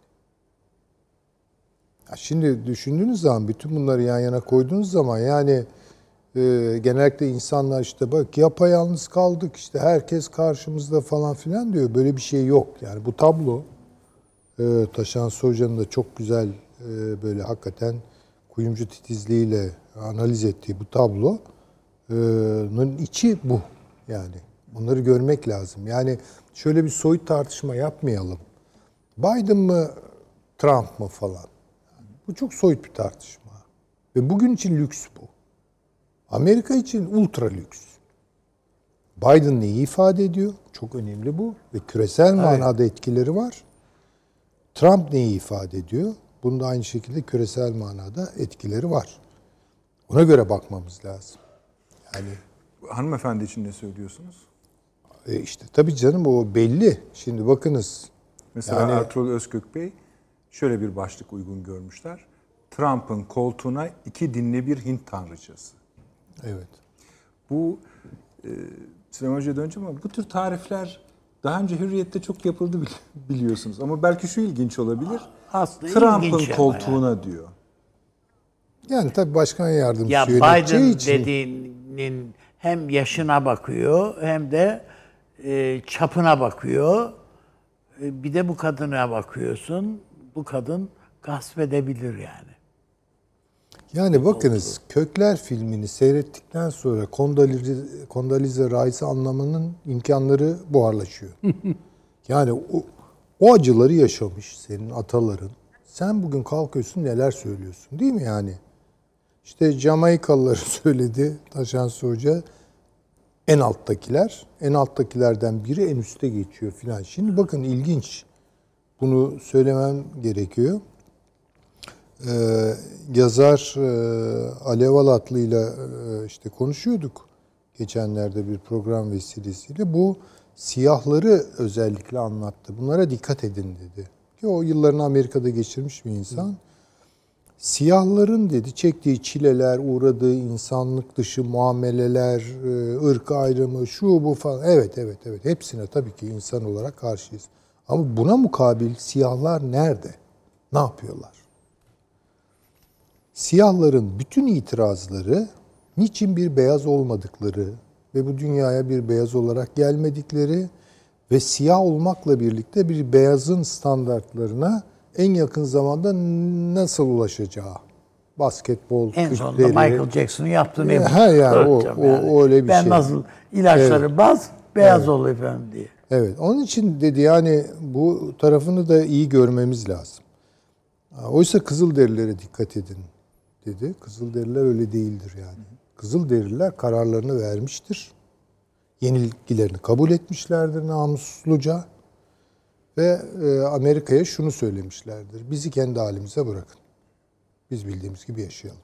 Ama biz Kızılderiliyiz. Biz Kızılderiliyiz. Yani o zaten filmlere falan da yansır. Bildiğiniz gibi böyle Kızılderili tipleri çok aykırı Hocam, tiplerdi bir de o yani Hollywood filmlerinde. Şöyle Amerika'da beyaz siyasette bile, beyazlarda bile bir saygı uyandırdı. Tabii O ki tabii saygı mi yani? uyandı. Bugün yani zaten Oscar ödülünü reddetti Marlon Brando. elbette yani öyle bir e, duruşları var ki yani taş gibi duruyorlar her şeye rağmen yani. Ve uzlaşmıyorlar.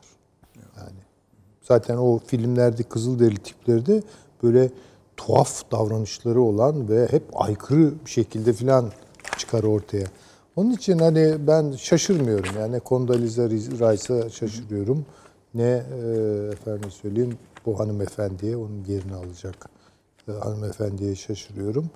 E, bu farkları gördükten sonra zaten bence yani siyah siyah olmanın dramını filan hepsini kabul ediyoruz. Yapılanları reddediyoruz. İnsanlığa aykırı şeylerdir filan ama siyahların Amerika'daki performans pek hoş değil. Yani buna hatta Alev Hanım e, maalesef Malcolm X de dahildir dedi.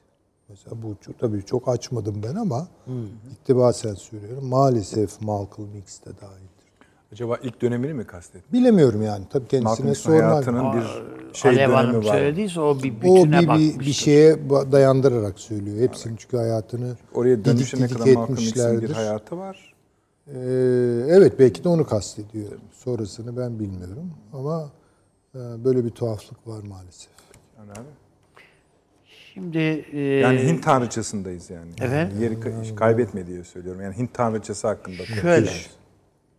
Biz e, ben özellikle öteden beri programda söylüyorum yani e, öteden beri derken yani özellikle bu Amerika'daki işte seçim süreci başladığından bu yana hep Türkiye'nin siyaset üretmesi ihtiyacından falan söz ediyorum.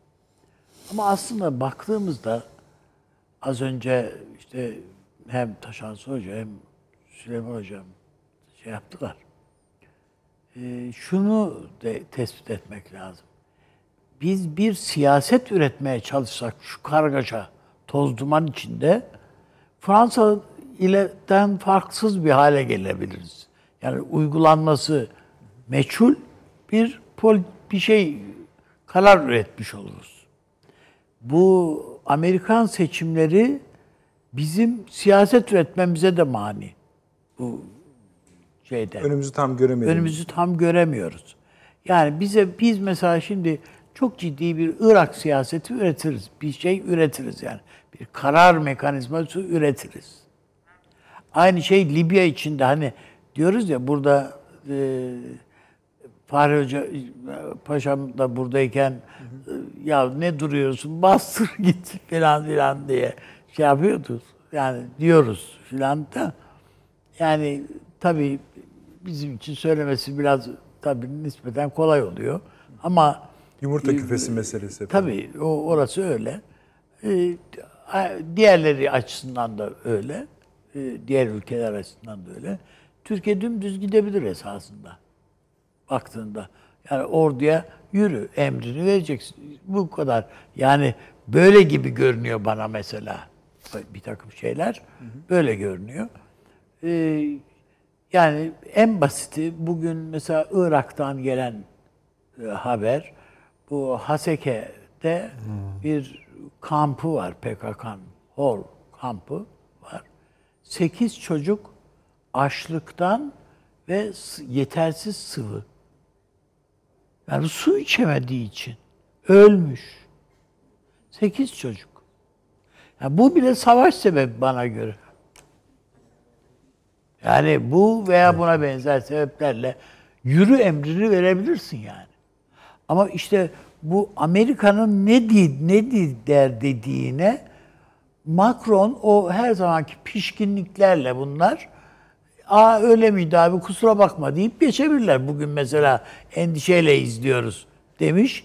Ve böyle bir laf bize söylense bayağı tedirgin oluruz. Yani, yani nerede yanlış bir şey yani bir şey yanlış mı anladık Sorun nedir? falan diye sorun nedir diye otururuz. Bunlar öyle değil. Gayet pişkin bir şekilde tamam abi yapmıyoruz artık der. Sonra Otururuz gider yani. öbür tarafta yapar Evet, falan gibi. e- e- Evet yani gider başka tarafta yapar filan.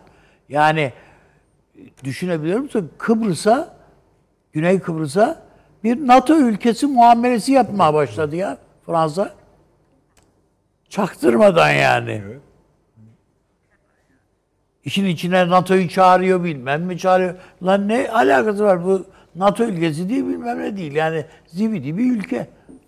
Yani işte e, onun için bir an evvel bu Kasım ayında bu seçimin sonucunu Amerika'da bunu gördükten sonra ha Türkiye o zaman yani Biden da kazansa Türkiye kendini rahat hissedebilir.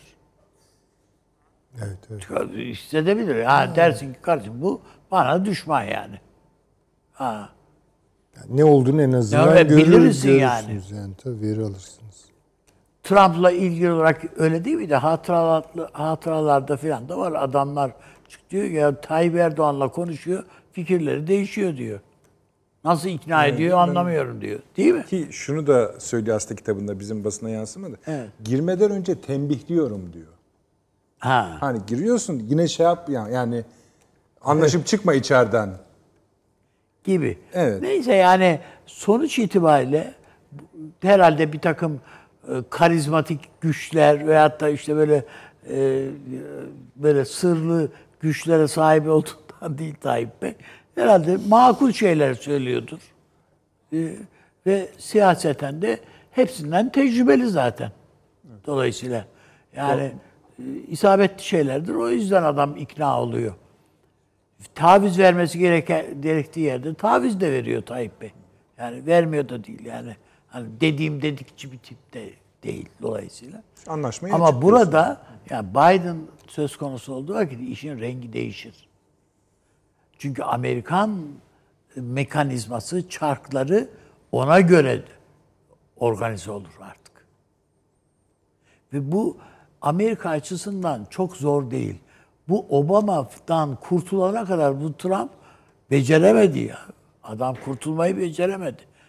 Adamın, Obama'nın bürokrasisi Amerika'ya hakim oldu. Ve bırakmadılar yani. Trump da onlarla çalışmak zorunda kaldı. Dolayısıyla yani ben e, bu Kasım'da bu seçim yani artık Aralık diyelim onun neticesinde netleşmesi. E, bu geldiği vak- vakit önümüze biz oturup işte milli güvenlik kurullarını mı toplayacak siyaset. Onun dışında bizim siyasi partilerimiz de tabii bunu değerlendirmek zorunda. Bakmayın yani biz Muharrem İnce falan diye bakıyoruz siyasete. Böyle garip garip işlerimiz var bizim.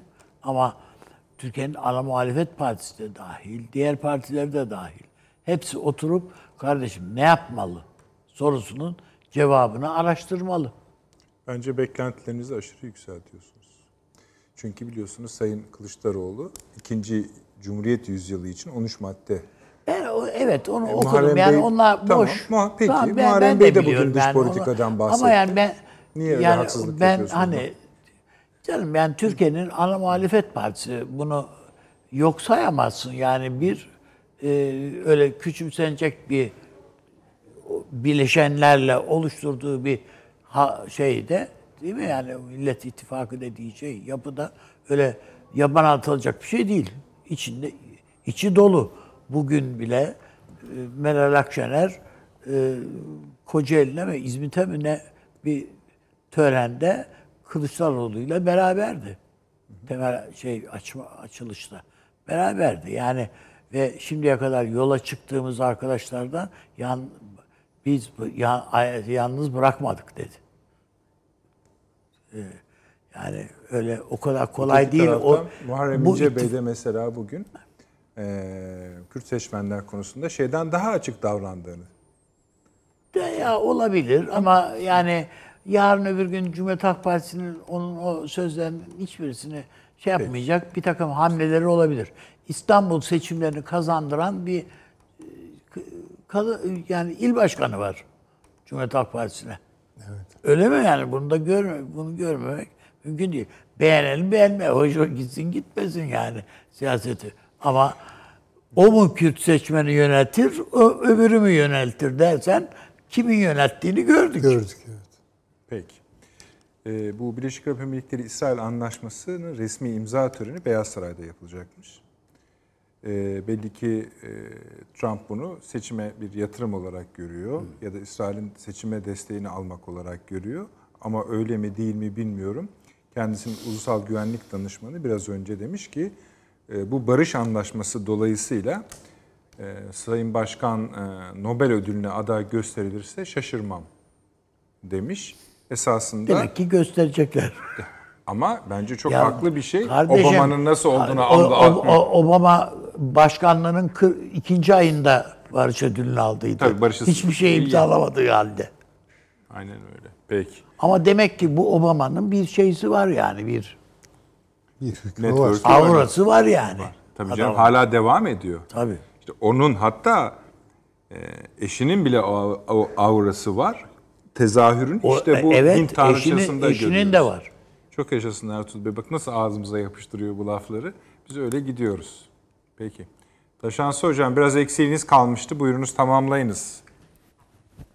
Ee, ben şey şimdi bir parantez açayım. Ee, Tabii. bizim kulakları çınlasın. Yalçın Küçük Hoca kitaplarında öyle der ya res şey metnin içinde köşeli parantez açıyorum diye. Ee, ben köşeli parantez açayım. Şimdi bu şeye dair e, Kamala Harris'e dair e, bu e, biliyorsunuz Elizabeth Warren'ın olma ihtimali epey yüksekti. Ee, Evet. Warren daha Senatör. sol kanatta hani Bernie Sanders'ı Yakın. onun destekçilerini ikame edebilecek birisiyken daha kurumsal niteliği yüksek, hukuk kökenli Kamala Harris'in atanması Biden tarafından bence gayet önemli.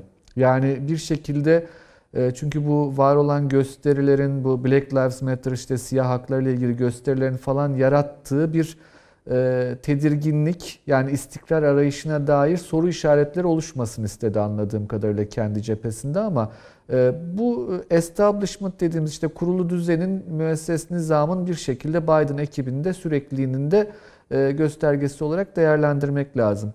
Şimdi bir de bir husus vardır. E, ana Avrupa sosyal bilimleri ile Amerikan sosyal bilimleri e, gerçekten birbirinden epeyce farklıdır.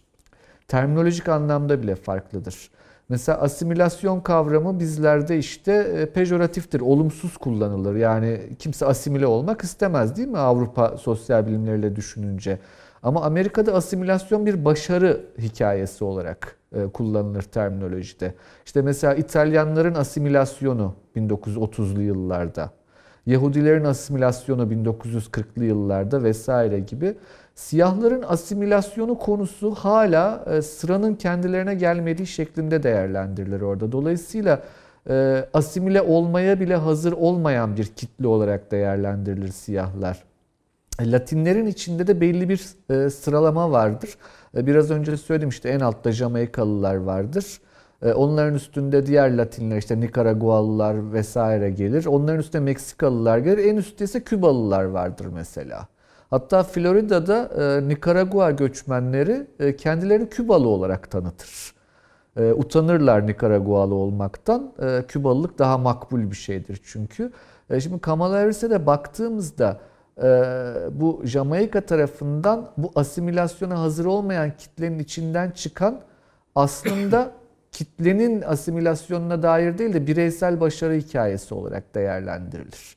E, Dolayısıyla e, hani Obama ne kadar siyahtı, ne kadar zenciydi sorusu bence önemli bir soru. E, Aynı şey Kamala Harris için de geçerlidir. E, Bir de başka bir tane daha köşeli parantezin içine parantez açayım. Bizim Türkçe'de e, bazı çok bilmişler e, zenci demeyin ayıptır falan diyorlar. Hiç ayıp bir şey değildir. E, Çünkü o nigger yani Amerika'daki o pejoratif anlamı olan kötüleyen bir Ya anlamı yoktur e, zenci kelimesinin. Gayet e, tarafsız, objektif bir kelimedir. Bir aşağılama aracı değildir bu kelime. E, gayet de kullanılır. Hiç de ayıp değildir. Hele, hele öyle siyahi falan gibi yapma kelimeler asıl onlar birazcık e, uçuk kaçar Türkçe'de. E, bu parantezde böylelikle kapatmış olayım. Biraz önce kaldığım yerden devam etmek istiyorum. Şimdi Akdeniz'de Taşansı bu, hocam. e, bizim ilan ettiğimiz Navtex alanına buyurun. parantezi yani devam kapattınız. Konunuza geçmiş. Şöyle bir şey hatırladım ben. Ee, Obama'nın ilk seçildiği dönemde sonunda ikinci seçimlere giderken şu tartışmaların yapıldığını anımsıyorum. Tom amca göndermesi yapılıyordu. Yani Beyaz Saray'da Beyaz Doğru. Efendi'nin zencisi anlamına gelen, bana ait değil bu şeyler, anlamına gelen ama aslında şu tarafıyla doğru bence, Süleyman Hoca'ya ek olarak söyleyeyim bunu, kendi ırkına eziyet edecek kadar e, beyazlaşmış. Yoksa kendisini yetiştirmiş birisi ayrı bir konu. Ama bunu şunun için konuşuyoruz. Biden'ın müstakbel başkanlığına girmiş durumda.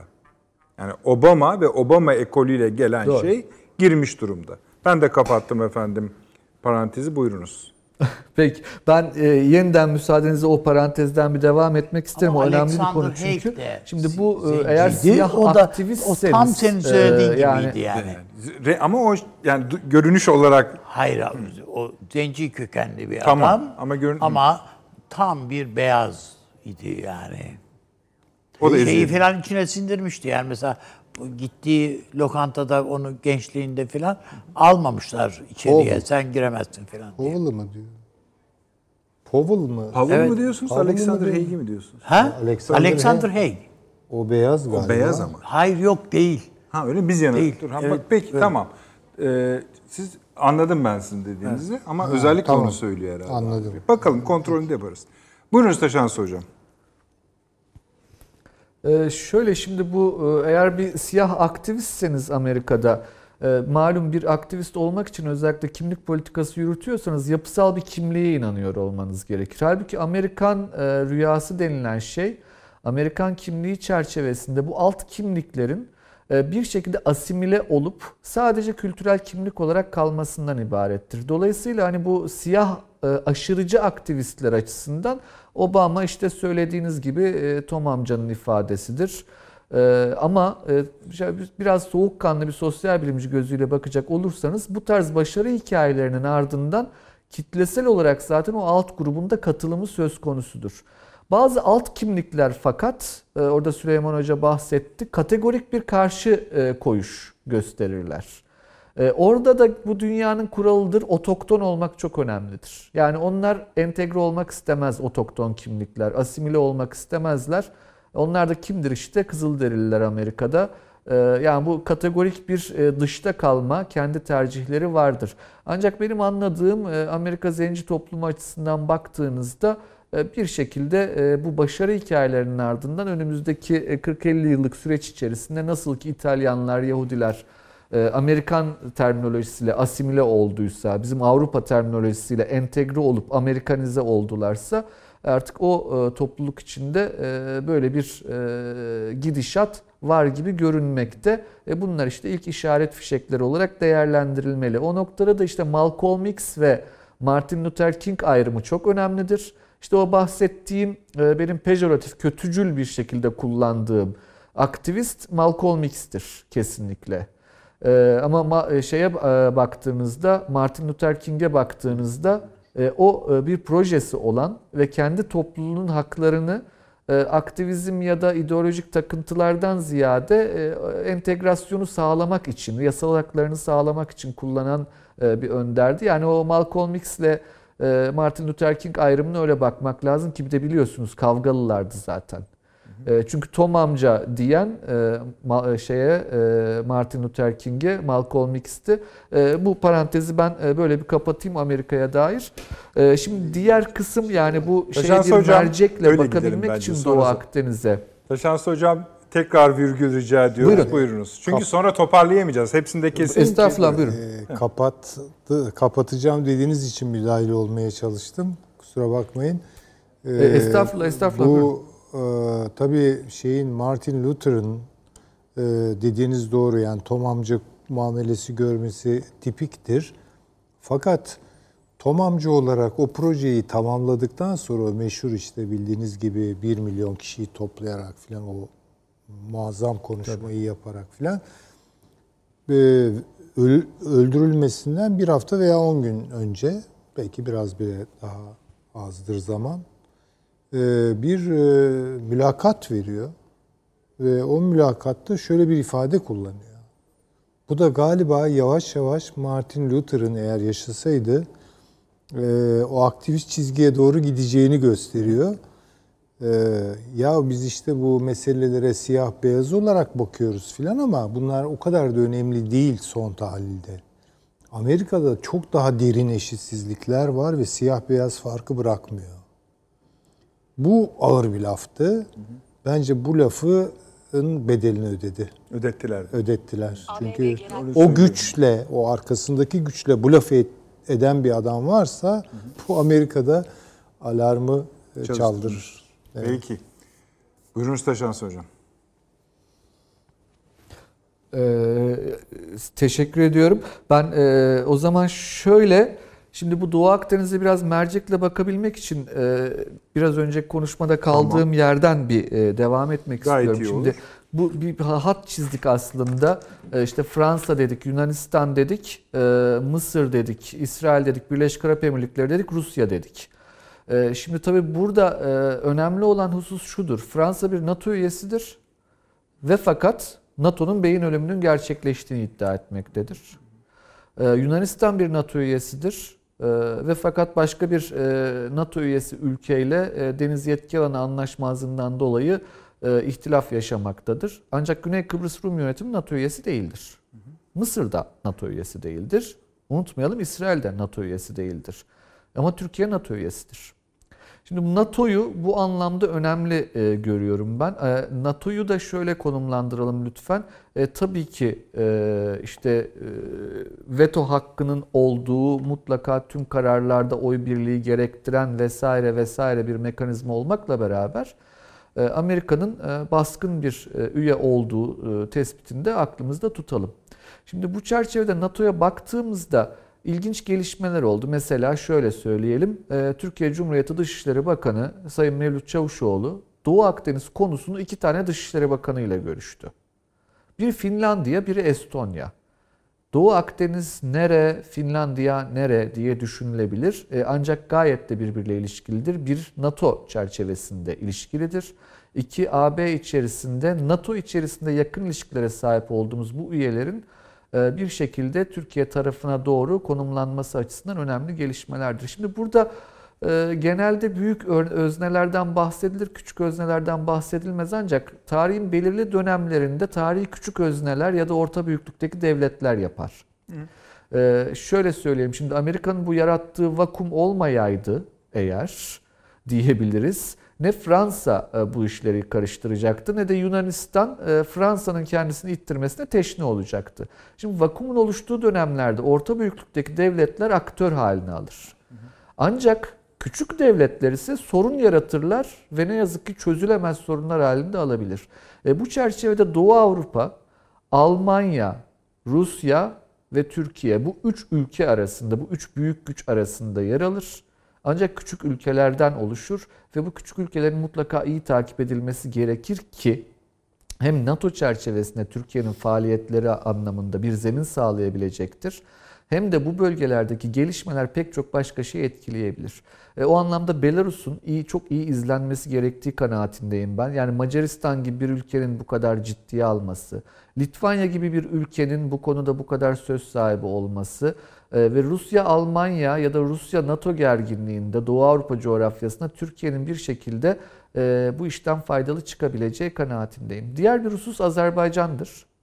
Yani Kafkasya'ya bakmak gerekecektir yine Doğu Akdeniz'i anlamak için. E, orada da e, İsrail'in çok kendince başarılı bir politika izleyerek buradaki gerginlikten faydalandığını, Rusya ile arasını bozmadığını ancak Azerbaycan'ın Rusya'yı dengeleme politikası çerçevesinde oradaki varlığını arttırdığını tespit etmek gerekir. Geçen hafta da unutmayalım e, Yafa'da e, bir Ermeni kilisesinin önünde e, İsrailliler ellerinde Azerbaycan bayraklarıyla protesto gösterisi yaptılar mesela. Ve bunu sadece hani ekonomik çıkarlara bağlamak doğru değildir. E, stratejik belli amaçları olduğu da belli. E, İsrail'de o noktada konumlandırdığımızda. Şimdi gelelim bu bölgeye. E, bu bölgede bir Navtex ilanı var. Sorun Meis Adası ile ilgilidir. E, çünkü Meis Adası'nın kıta sahanlığı, karasuları ve münasır ekonomik bölge hesaplamalarında bir ada olarak ne kadar yetkisi ve etkisi olacağı tartışması bu uluslararası hukuktaki temel tartışma konusudur. Şimdi orada da Türkiye'nin temel bir iddiası var zaten. 1947 anlaşmasına göre Meis anlaşması Yunanistan'a devredilmiş olmakla beraber adı geçmeyen etrafındaki adacıklar Türkiye'ye devredilmek durumundaydı iddiası. Şimdi bakın bunlar inanılmaz derecede teknik konular. Ben ne sizin sabrınızı e, ne de sayın seyircilerimizin sabrını zorlamak istemiyorum ancak şu kadarını söyleyebilirim. E, Türkiye'nin hakkaniyet çerçevesinde bu bölgede e, gerçekten çok kuvvetli tezleri olduğunu herkesin bilmesi gerekir. Ve bunlar hem uluslararası anlaşmalarda hem teamülde hem içtihatta desteklenen yani arkası sağlam, e, kuvvetli karinelerle, kanıtlarla desteklenen tezlerdir. Dolayısıyla bu bölgede bir sınır çizme dönemine girildiyse eğer Türkiye'nin sessiz kalması, e, geride durması gerçekten beklenmez.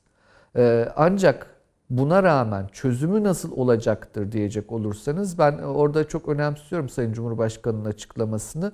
E, Türkiye'nin bir barış üreten ülke konumunda bulunması en üst değil mi Türkiye'de Cumhurbaşkanı'dır en üst mevkiden şu dillendiriliyor. Kıyıdaş ülkelerin bu konuyu barış içinde çözmesi. Şimdi kıyıdaş ülkelerin bu konuyu barış içinde çözmesi e, cümlesi ne Yunanistan'dan ne Mısır'dan e, ne de Güney Kıbrıs'tan gelmedi zaten bugüne kadar. Onlar çünkü bizim şöyle şöyle iddialarımız var bunlar geçerlidir diyorlar sadece. E, dolayısıyla Türkiye bu pozisyonunu, meşru pozisyonunu devam ettirecektir diye düşünüyorum. E, ancak meşru pozisyonunuzu devam ettirirken nasıl ki e, bir toprak parçanızda e, yabancı askeri varlığa izin vermeyecekseniz deniz alanı da budur. Dolayısıyla böyle bir e, risk olduğunu görmemiz gerekir. Fransa'nın bu yaklaşımına Pardon, da nedir baktığımızda o risk? sadece Doğu Akdeniz'deki... Taşansı Hocam. Nasıl? Neyi kastettiğiniz risk olarak? Ben anlamadım herhalde özür dilerim. Anlamadım. Hani böyle bir risk olduğunu da görmeliyiz dediniz ya. Ee, Valla ne, e, tam olarak ya da ben ne, neye bağladım tamam. onu hatırlamıyorum tamam, cümlenin buyurun, neresindeydi. Buyurun, buyurun. Ee, şöyle söyleyeyim, e, yani Fransa'nın buradaki varlığı sadece Doğu Akdeniz'deki hidrokarbon kaynaklarıyla da ilgili değildir. E, biraz önce söylediğim gibi genel bir hat içerisinde e, Türkiye'yi sıkıştırmaya yöneliktir. Yunanistan'ı bu anlamda e, itmektedir bazı şeylerin içine. Ee, ancak bunlar çözülmeyecek sorunlarda değildir. Fransa'yla da bugün e, diplomatik temaslar, Yunanistan'la diplomatik temaslar mutlaka mümkündür, önü açıktır diye düşünüyorum. Aynı şekilde Mısır'la da, İsrail'le de orada Avni Bey'in söylediği çok önemli bir şey vardı. Hani Türkiye proje üretmeli e, cümlesini hep söylüyorum ama şu dönemde nasıl diye. E, zannediyorum hani tam da beceri budur. Trump da olsa, Biden da olsa Amerika o tarafa da gitse, bu tarafa da gitse e, yine de her halükarda kendi çıkarlarınıza e, uyacak e, belli projeler e, üretme kapasitesi Türkiye'de var. Bence Türkiye bunları da yakın dönemde gerçekleştirecek diye düşünüyorum. Burada önemli manevraların NATO olduğunu, en önemli manevranın. İkincisinin ise Rusya ile temasları olduğunu düşünüyorum. Çünkü aslında temel karşıtlık orada. E, Fransa, Yunanistan, Mısır, İsrail e, eksenine bakarken de e, bunlarla beraber ve daha onları çevreleyen çemberle beraber değerlendirildiğinde çeşitli ihtimaller ve imkanlar aslında kendiliğini zaten açıkça ortaya koyuyor. Zannediyorum ki Türkiye bunları zorlayacaktır. Burada tabii hani herhangi bir çatışma riski vesaire mümkün müdür, var mıdır? Vardır. E, O noktada Türkiye'nin geri adım atmayacağını ben öngörüyorum. E, Onun da sebebi şu, biraz önce belki söylediğim sizin sorduğunuz oydu. E, Nasıl ki hani karanızda bir düşman asker postalına izin vermeyeceksiniz, deniz alanları da e, bunun gibi bir şeydir. Aynen öyle. E, Ancak hani o tabii ki bizim dileğimiz olabildiğince sulh yoluyla Evet. bu işlerin e, çözülmesi e, ve e, bir şekilde bu daha geniş çember içerisindeki diplomatik faaliyetlerin daralmış bölgedeki sorunları çözmekte kullanılması e, olacaktır diye değerlendiriyorum. Peki çok teşekkür ederim. Ben sadece şunu ekleyip sonra sorumu sorayım. Ee, bu hani şey dediniz ya çok teknik bir konu. Bu çok kelimesinin altını çok çizmek gerekiyor. Yani çok çok oldu ama böyle bir durum var. Şu sebepten bunu önemsedim. Ee, bu tartışmada e, Türkiye'nin tezlerini Türkiye içinden çürütmeye çalışanlar tam da bu karışıklıktan fazlasıyla yani bu çok teknik olma meselesinden hareketle bayağı konuşuyorlar. Örneğin ben yine bir başka oturumda bu meşhur Sevil haritasının neredeyse resmen kutsandığını gördüm. Yani kutsandı. Yani efendim şu denilerek bu teorik bir harita. Yahu bu ülkenin başına ne geldiyse ya da getirilmeye çalışıldıysa son 100 yıldır hep haritalardan geldi. Hep haritalardan geldi, hep haritalardan. İster em, teorik olsun, ister pratik olsun sadece terörle mücadele üzerinden yurt dışından gelen haritaların hangisi resmiydi? Ki ya resmileri de vardı. Sykes, Sykes-Picot Tabii. teorik miydi? Yani. Ha, şimdi bunları böyle lime lime yani artık şu Se- konuşma. Sevr'in hiç de öyle teorik bir tarafı Tabii yok. yoktu. Çok net bir haritadır. Aynen öyle. İmza altındadır yani. Falan. Dolayısıyla Öyle. Yani yani bir onlara tek da- padişahımız onaylamamıştır. O yani. Yani Yoksa bu he- ülkenin elçi bir harita imzaladı. müktesebatı var. Başımızda yani böyle bir biliyoruz Efendim, yani. Üçüncü Selim tahta geçmiştir. Selim Salis Hazretleri. Böyle Fransa'ya karşı romantik bir takım beklentileri var. Fransa'dan daha doğrusu. Bir anda İstanbul'da sayısız e, Fransız uzman cirit atmaya başlamıştır. Hocam İstanbul'u kırmızı, şey, e, beyaz, mavi e, kurdelelerle Tabii donattıydı. donatmıştı doğru Rahmetli haklısınız. padişah. Şimdi tabii o ara bu kadar uzman bizim kara kaşımıza kara gözümüze mi yani güya işte Osmanlı'yı reforme etmek ve vesaire filan projeleriyle geliyorlar. Ee, o ara bir kaptanı Derya'yı da e, galiba Halil Hamit Paşa olsa gerek e, veya Hüsrev Paşa ikisinden bir şimdi hatırlayamıyorum. Onu da bayağı bir e, kontroller altına almışlar. Fakat bir amiral, bir Osmanlı amirali durumu görüyor ve yani diyor ki aman çok tehlikeli bir durum var. Çünkü adamlar bütün Ege koyları, bütün Akdeniz ve Levant bölgesini koy koy haritalandırıyorlar. Fakat dinletemiyor bunu. Yani e, fakat e, kendi gayretiyle takibe devam ediyor. Hakikaten bir gün e, sabaha karşı galiba bütün bu uzmanlar gemilere binip sırra kadem basıyorlar. Ve o bahsettiğim e, Osmanlı amirali de kendi gemisiyle peşlerine düşüyor. Yani yakalayıp en azından o haritaları falan ele geçirme. O haritayı aman aman yani. Ama haritalar hayır. O işler de çok şöyle an bu konuşmalar öyle e, yani hani cambaza baka dönüyor ki bir anda ya biz orada bulunmamızın bir sebebi var. Burada bulunmamızın Akdeniz'i söylüyorum. Ayrıca ileriye dönük de bir Ya sebebi Türkiye'de var. yani bir dönem yani bu başka işte sağcılık, İslamcılık, şunculuk, bunculuk adına bile ya keşke Yunan kazansaydı filan gibi diyen eden Evet. e, e, yani olmadı değil yani. Bunların hepsi oldu. Ama bunların hiçbirisi Türkiye'nin e, şu an şeyini belirlemez yani. Peki. O zaman sorumu Bunlar soruyorum. böyle uç e, kenarda köşede kalan insanlar. Onlara bakarak bir hükme varmak o kadar şey değil. Peki. Ben bir düzeltme yapayım. Bir Colin Powell'ın Ha. adını değiş Tabii, şey tabii. yaptım. Yanlış söyledim ondan. dolayı. Tamam seyircilerimizin aklında da öyle kalmasın. Doğru söylüyorsunuz. O da bir vaka tabii ama. Yani. Tabii canım o o doğru. Yani bugün işte mesela basit bir şeymiş gibi söyledik geçen gün salı günü bu e, Meis Adası'nın unutulduğunu. E, Hakikaten unutulmuş. Ama bu ne kadar gayri ciddi e, yaklaşıldığını değil mi yani dört defa reddedilmiş falan filan diye söyledik Söyledik. ama yani e, ne kadar gayri ciddi yaklaştığımızı veyahut da baştan sağma Öyle değil. bu adalar meselesine bizim e, hiç e, hakim olamadığımızı bugün e, şeyin bir lafı var bu Kennedy öldürüldükten sonra Johnson geçiyor e, şeye tören için giderken filmin filmde var bu böyle bir sahne. Tören John Kennedy için- öldürülüyor. Lyndon Johnson gelecek. Ge- geldi. Gel- yemin ediyor.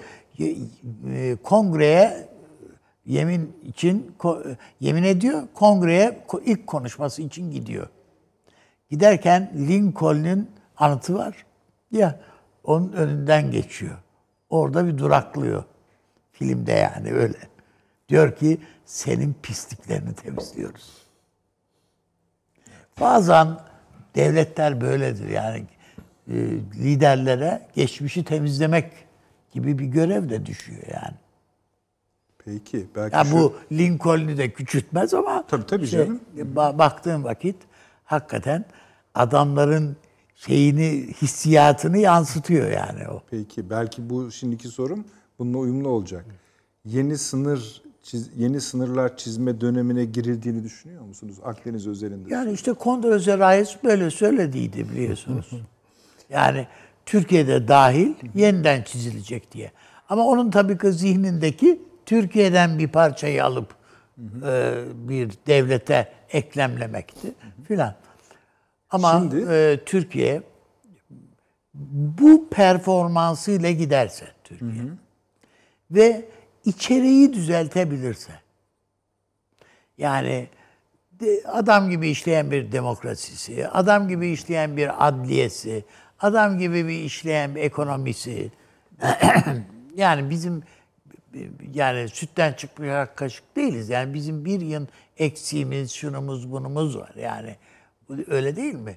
Ee, Yani liyakat meselesine zaman zaman hep işte hocam falan da değini- değiniyor. Yani bütün atamaların, bütün ihalelerin, bütün bilmem nelerin falan hepsinin bir şey içinde, bir düzen içerisinde e, bize yakıştığını, yakışması gerektiğini düşündüğümüz bir yapının içinde olduğu bir Türkiye düşünün. Bu Türkiye'nin önüne katacağı hiçbir şey yani takılacak hiçbir şey yok. Ne Yunanistan'ın şeyisi yani Yunanistan peşinizden koşar, öbürü peşinizden koşar zaten. Onun için mesela bu İstanbul Sözleşmesi'nin e, bütün bu coğrafyada imzalayacak ikinci ülke yok, ikinci bir lider yok diye onun için boşuna söylemedim yani. Peki siz öyle düşünüyor musunuz Süleyman Hangi Hocam? konuda? Yeni sınırlar çizme dönemine girildiğini. Ee, yani bu Ben bunu Akdeniz İlla özelinde bir, sor- bir de şunu Evet. söyleyeyim yani illa siyasi manada toprak sınırları diye di- hakimiyet alanınız İngiltere'nin hakimiyet alanı şey Anladım. değildi yani onunla ilgili değildi yani. Toprağıyla alakalı değil. evet. Yani bu çok bence biraz pejoratif hale getirilerek konuşuluyor. Yani Ben ama şey Akdeniz Ege özelinde söylüyorum. Yani şimdi tabii bir tecrübe de var. İşte demin Sykes-Picot'dan bahsettik. Yani iki tane adam haritaları, cetveli, yanına da viski şişelerini falan koyup böyle tanzim ettiler Öyle bu tabii. coğrafyayı. Tamam ama şimdi artık öyle değil yani. Şimdi o kadar basit değil. Niyet bu olabilir. Ama bunun bence çok kolay sürdürülebilir. Yani yaparsınız da sürdüremezsiniz yani. Yani bir de öyle bir şey var. O kadar kolay değil. Mesela siz Ya bu- şöyle, şöyle demiştiniz geçen programlardan birinde. Hatta o devam da etti. Mesela bu krizde Yunanistan Türkiye'ye mesela Oruç Reis'e şuraya buraya saldırıp bir aleve neden olursa adalar konusu Ama şimdi tabii eğer böyle bir hesaplaşma olursa yani bu şunu e, sorduğunuzu ben e, düşündüm. Hani bir hani hep söyleniyor ya hiç kullanmam ama şimdi kullanıvereyim. Pratik bir şey diye. Bir üst akıl oturup cetvelleri eline alıp söyleyeyim böyle bölemez böyle Yok, parçalayamaz. ben o şu onun için özellikle vurguladım. Akdeniz'i Ege özelinde söylüyorum diye. Ha ha anladım. Ha. Ee, ben bunu gene de doğrusu çok kolay görmüyorum bakın. Yani o bir hesaplaşma olur. Ee, kayıplar yaşayabilir. Meis'tir, Girit'tir, silahsızlanması gereken adalardır. Tamam ama yani şimdi oraları ele geçirirsiniz de e, oraları kendi e, varlık e, siyasal varlık hesabınıza aktaramazsınız yani. O, o kadar kolay değildir o işler. O hatalar o zaman yapılmayacaktı. Yani ha belli boşluklar varsa, o zaman yanlış yorumlanmış şeyler varsa bunlar getirilir gündeme. O ayrı bir şey. Ama kaptırmayacağız. Bakın bu egemenlik meselesi hakikaten çok kritik bir meseledir. Bunun şakası falan yok. Ee, Ayasofya meselesinde de ben bunu daha ilk günden söyledim. Bu egemenlik meselesidir dedim. Ha, hep söylenen şey ama yarın işte El Aksa'yı bilmem ele geçirirse e, Yahudiler orayı havra yaparsa yaptırtmayacaksın kardeşim. ya. Yaptırtmayacaksın. Mesele bu kadar yani. Korakor bir meseledir. Bu kadar trajik yani. Olmak ya da olmama. Oldurduktan sonra Öbürü ağlama çünkü yani. şantaj hocam yani. Tabii, tabii. O- Yarın öbürü bilmem ne yaparsa yaparsa ne diye yani gider dayanır. Ha yani böyle bir şey yok. Ha, hesabını sorabiliyorsan rövanş alabilecek kapasite al. Alamıyorsan da ağlama. Yani şimdi böyle şeyler de olmaz. Ee, ya işte Kortoba Camii için ağlamak falan. E, kaptırmasaydık. Elde tutsaydık. Ne bileyim yani bilemem kimi sorumlu tutmak gerekir bu kayıplardan filan. Demek istediğim e, bu bu meseleler de öyledir. Bu 12 adaları e, kaptırdık yani. Bu çok açık. Bu gitti. Elden gitti. Ya onlar bugün Greek Islands gibi pazarlanıyor. Yunan hiç ilgisi yoktu. Yani bunlar Yunan adası falan değildi. Kıta Yunanistan'dan ne kadar uzak oldukları belli. Bu ana kıtadan, Anadolu'dan koptukları belli birçoğunun. İşte başta Midilli. Yani biraz ittirseniz yapışacak yani. Edremit Körfezi'ne bunun gibi bir şey. Ama Bu silahsızlan silahsız olması gereken Ama zaten Ayrı bir şey, oraları- taahhüdü yani şey söyleyeceğim. Yunanistan'ın. tabii tabii o Adaları taahhüdü. askerden Hani arındıracak, şöyle- silahsızlandıracak. basit tam bir tersine adam diğer ülkelerin ordularını çağırıyor oraya. Yani kendisi zaten konuşlanıyor. Tamam işte bunları Ha. ama hemen dava konusu haline getirmesi lazım Türkiye'nin. Üzerine yatacağımız bir yani orada silahlanıyor adalar silahlandırıyor. Elde bir metin var. Lozan var. Bunu men ediyor. Ve biz şikayet ediyoruz. Hayır bunu götüreceksiniz. Her türlü uluslararası mahkeme. Yani sen ya bu, bu, kadar basit değil. korveti nasıl bu Meis adasına demirlediysen götürüp onun da dibine demirleyeceksin Ha, kardeşim. yani Yok. bu Çek bir taraftan askerleri bunu diye. tabii bir, biraz Ben burayı biraz işgal edecek değilim ama sen taahhüdün var. Buraya asker Anlaşma. getiremezsin. Çek. Yani e, dediğim gibi teslimiyetçi kafa kafayla fetihçi kafa arasında e, salıncak kurmanın alemi falan yok. Yani bunları bir kere bir ölçüye kavuşturmak. Neler yapılabilir? Neler yapılamaz? Yani bir kere onlar hakikaten dünyayı da anlatılması zor, kendimizin de hazmetmesi zor işlerdir. Kıbrıs çok başka. Orada Türkler vardı. Ve Türkler katliama uğruyordu. Biz bir garantördük. Yani hakikaten harfi harfine kurallarına uyarak, kaidelerine uyarak, uluslararası hukuku arkamıza alarak yaptık biz o işi. Yani o, o, o ayrı bir şey. Ama böyle e, işte gönlümüzden geçen şeyler, e, orası da bizim de tekrar bizim olsun vesaire. Onlar öyle şeyler olmaz. Ama bu tarihsel havzanın mukadderat birliğini hep ben vurguluyorum. Bu mukadderat birliğini yeniden diriltebilecek, ayağa kaldırabilecek formülleri düşünmeye başlamamız lazım. Buna da talip olabilecek tek ülkenin Türkiye olduğunu, tek devletin Türkiye olduğunu düşünüyorum. bunu ikna etmek durumundayız. Yani Yani şimdi Yunanistan'da bile buna ikna olacak olmaz mı canım? Olmaz mı? var. Tabii ki yani. Tabii ki yani. Ee, ama bunu şey gibi değil sakın böyle seyrettiğimiz kusura bakmayın Kara Murat filmlerinin gazıyla falan olmaz bu işler yani. Aynı kanaatteyim ben de. Ama Türkiye'nin problemi kendi haklarını korumakta bile aciz göstermiş olması. Evet. Yani seneleri böyle geçirdik biz. Bu adalar silahlandırmanın ötesinde muhtemelen belki roketlerle, şunlarla, füzelerle filan da donatılmış olabilirler yani. Nereden biliyoruz?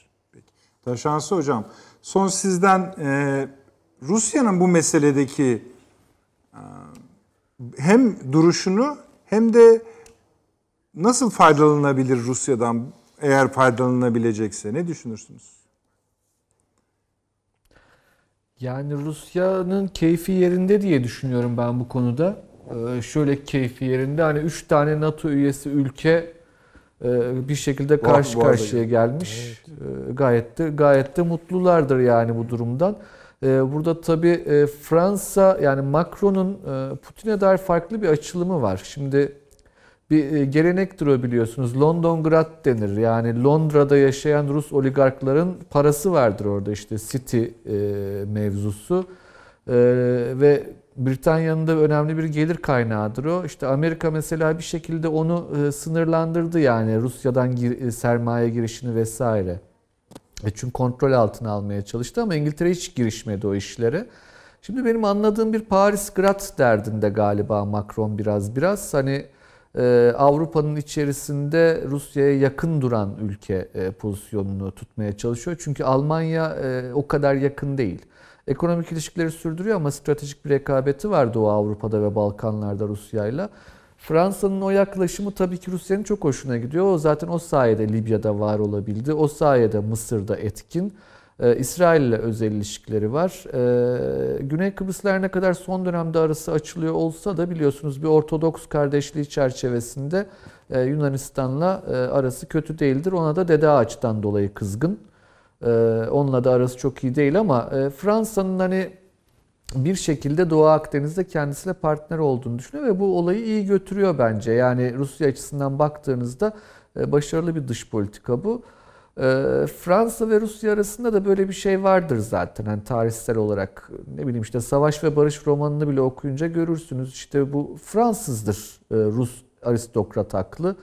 E, Fransa ile savaşırken bile Fransızca konuştu komutanlar sonuçta. Yani öyle bir şey, öyle bir ülkeden bahsediyoruz. Ancak Kırım Savaşı'ndan sonradır Rusça konuşan aristokrat görmek Rusya'da. Orada işte mevzilerde subaylar ve askerler yan yana gelince Rus milliyetçiliği doğdu. O ilginç bir şeydir, momenttir gerçekten.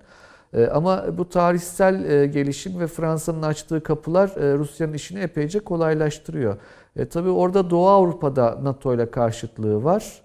E, İşte o noktada o biraz önce dedim ya küçük ülkeler önemli olmaya başlıyorlar. Yani Litvanya gibi bir ülke e, önemli sonuçlar doğuracak hamleler yapabiliyor. Belarus gibi işte 10 milyon nüfuslu bir ülkenin seçimleri e, Akdeniz'deki dengeleri bile etkileyecek e, şeyler olabiliyor. Rezonanslar Finlandiya'sı. Estonya'sı önemli olabiliyor. Bir de şuna dikkat etmek gerekir. Bizde hep şöyle bir hata vardır işte Rusya'yı Rusya'dan tanırsınız. Doğrudur Rusya'yı Rusya'dan çok iyi tanırsınız.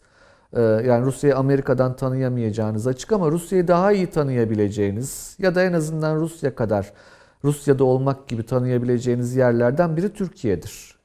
Biri Finlandiya'dır. Biri Estonya'dır yani Baltık ülkeleridir. Biri Polonya'dır. Yani Polonya'daki e, Türk sefareti e, bir gözünü Moskova'ya dikmek durumundadır. Yani o kapasite zannediyorum bizim hariciyede hala vardır diye umuyorum. E, olması gereken odur çünkü. E, ancak o şekilde dünyayı analiz edebilirsiniz. Artık küçük ülkelerin olmadığı bir dönemdeyiz. E, ufacık bir Slovakya emin olun bütün bir Avrupa dengelerini alt üst edebilir bugün. Velhasıl kelam hani Rusya'nın dur- duruma bakışı bu. Şimdi Rusya tabii bir Doğu Avrupa, öbürü Kafkasya açısından duruma yaklaşıyor. Kafkasya'da bir istikrar var, onun açısından sıkıntı olduğunu düşünmüyor bence. Ancak Doğu Akdeniz'de Fransa ile beraber kendi hedeflerine ulaşıyor. O hedef bellidir. E, Bir deniz üssü Libya'da. Ee, ve e, Kıbrıs'ta da İngiltere'nin canını sıkmak onu da Fransa aracılığıyla Rusya yaptırttı diye düşünüyorum. Yani orada bir değiş tokuş yaptılar gibi. E, o ilişkiye iyi dikkat edilmesi gerekir bence. Biden e, döneminde de e, zannediyorum Macron'un e, Biden'a sunacağı diğer bir hususta e, evet Rusya'ya karşı olabiliriz ama anlaşmanın da kapısı benim demek olacaktır. Yani bu çok keskin oynuyor Macron gerçekten. Hani İran'la yakınlaşma Biden'ın isteyeceği şey, Çin'le yakınlaşma Biden'ın isteyeceği şey, Lübnan'da varlığı Biden'ın isteyeceği şey, Türkiye'yi sıkıştırmak Biden'ın isteyeceği şey. Peki ya Rusya bunu da ister mi Biden derseniz hayır istemez ama e, kapıyı elinde tutmak o da bir avantajdır. E, hani oradan bütün bu çerçeveyi çizdiğimizde yani illaki Biden seçilir seçilmez onu şu an söylemek mümkün değil ama Macron'un e, böyle bir kumar oynadığını e, söylemek mümkün. Onun da sebebi işin açıkçası biraz da Türkiye'nin yaptığı işlerdir. Çok sıkıştırdı çünkü Türkiye Fransa'yı. E, Bu kadar sıkışmış olan bir ülke kumar oynamak durumunda kalabilir. O biliyorsunuz Dostoyevski'nin Kumarbaz romanında öyle der Dostoyevski. Ee, bir sistem varsa eğer çalışarak geleceğinizi kurabileceğinize inanıyorsanız kumar oynamazsınız der.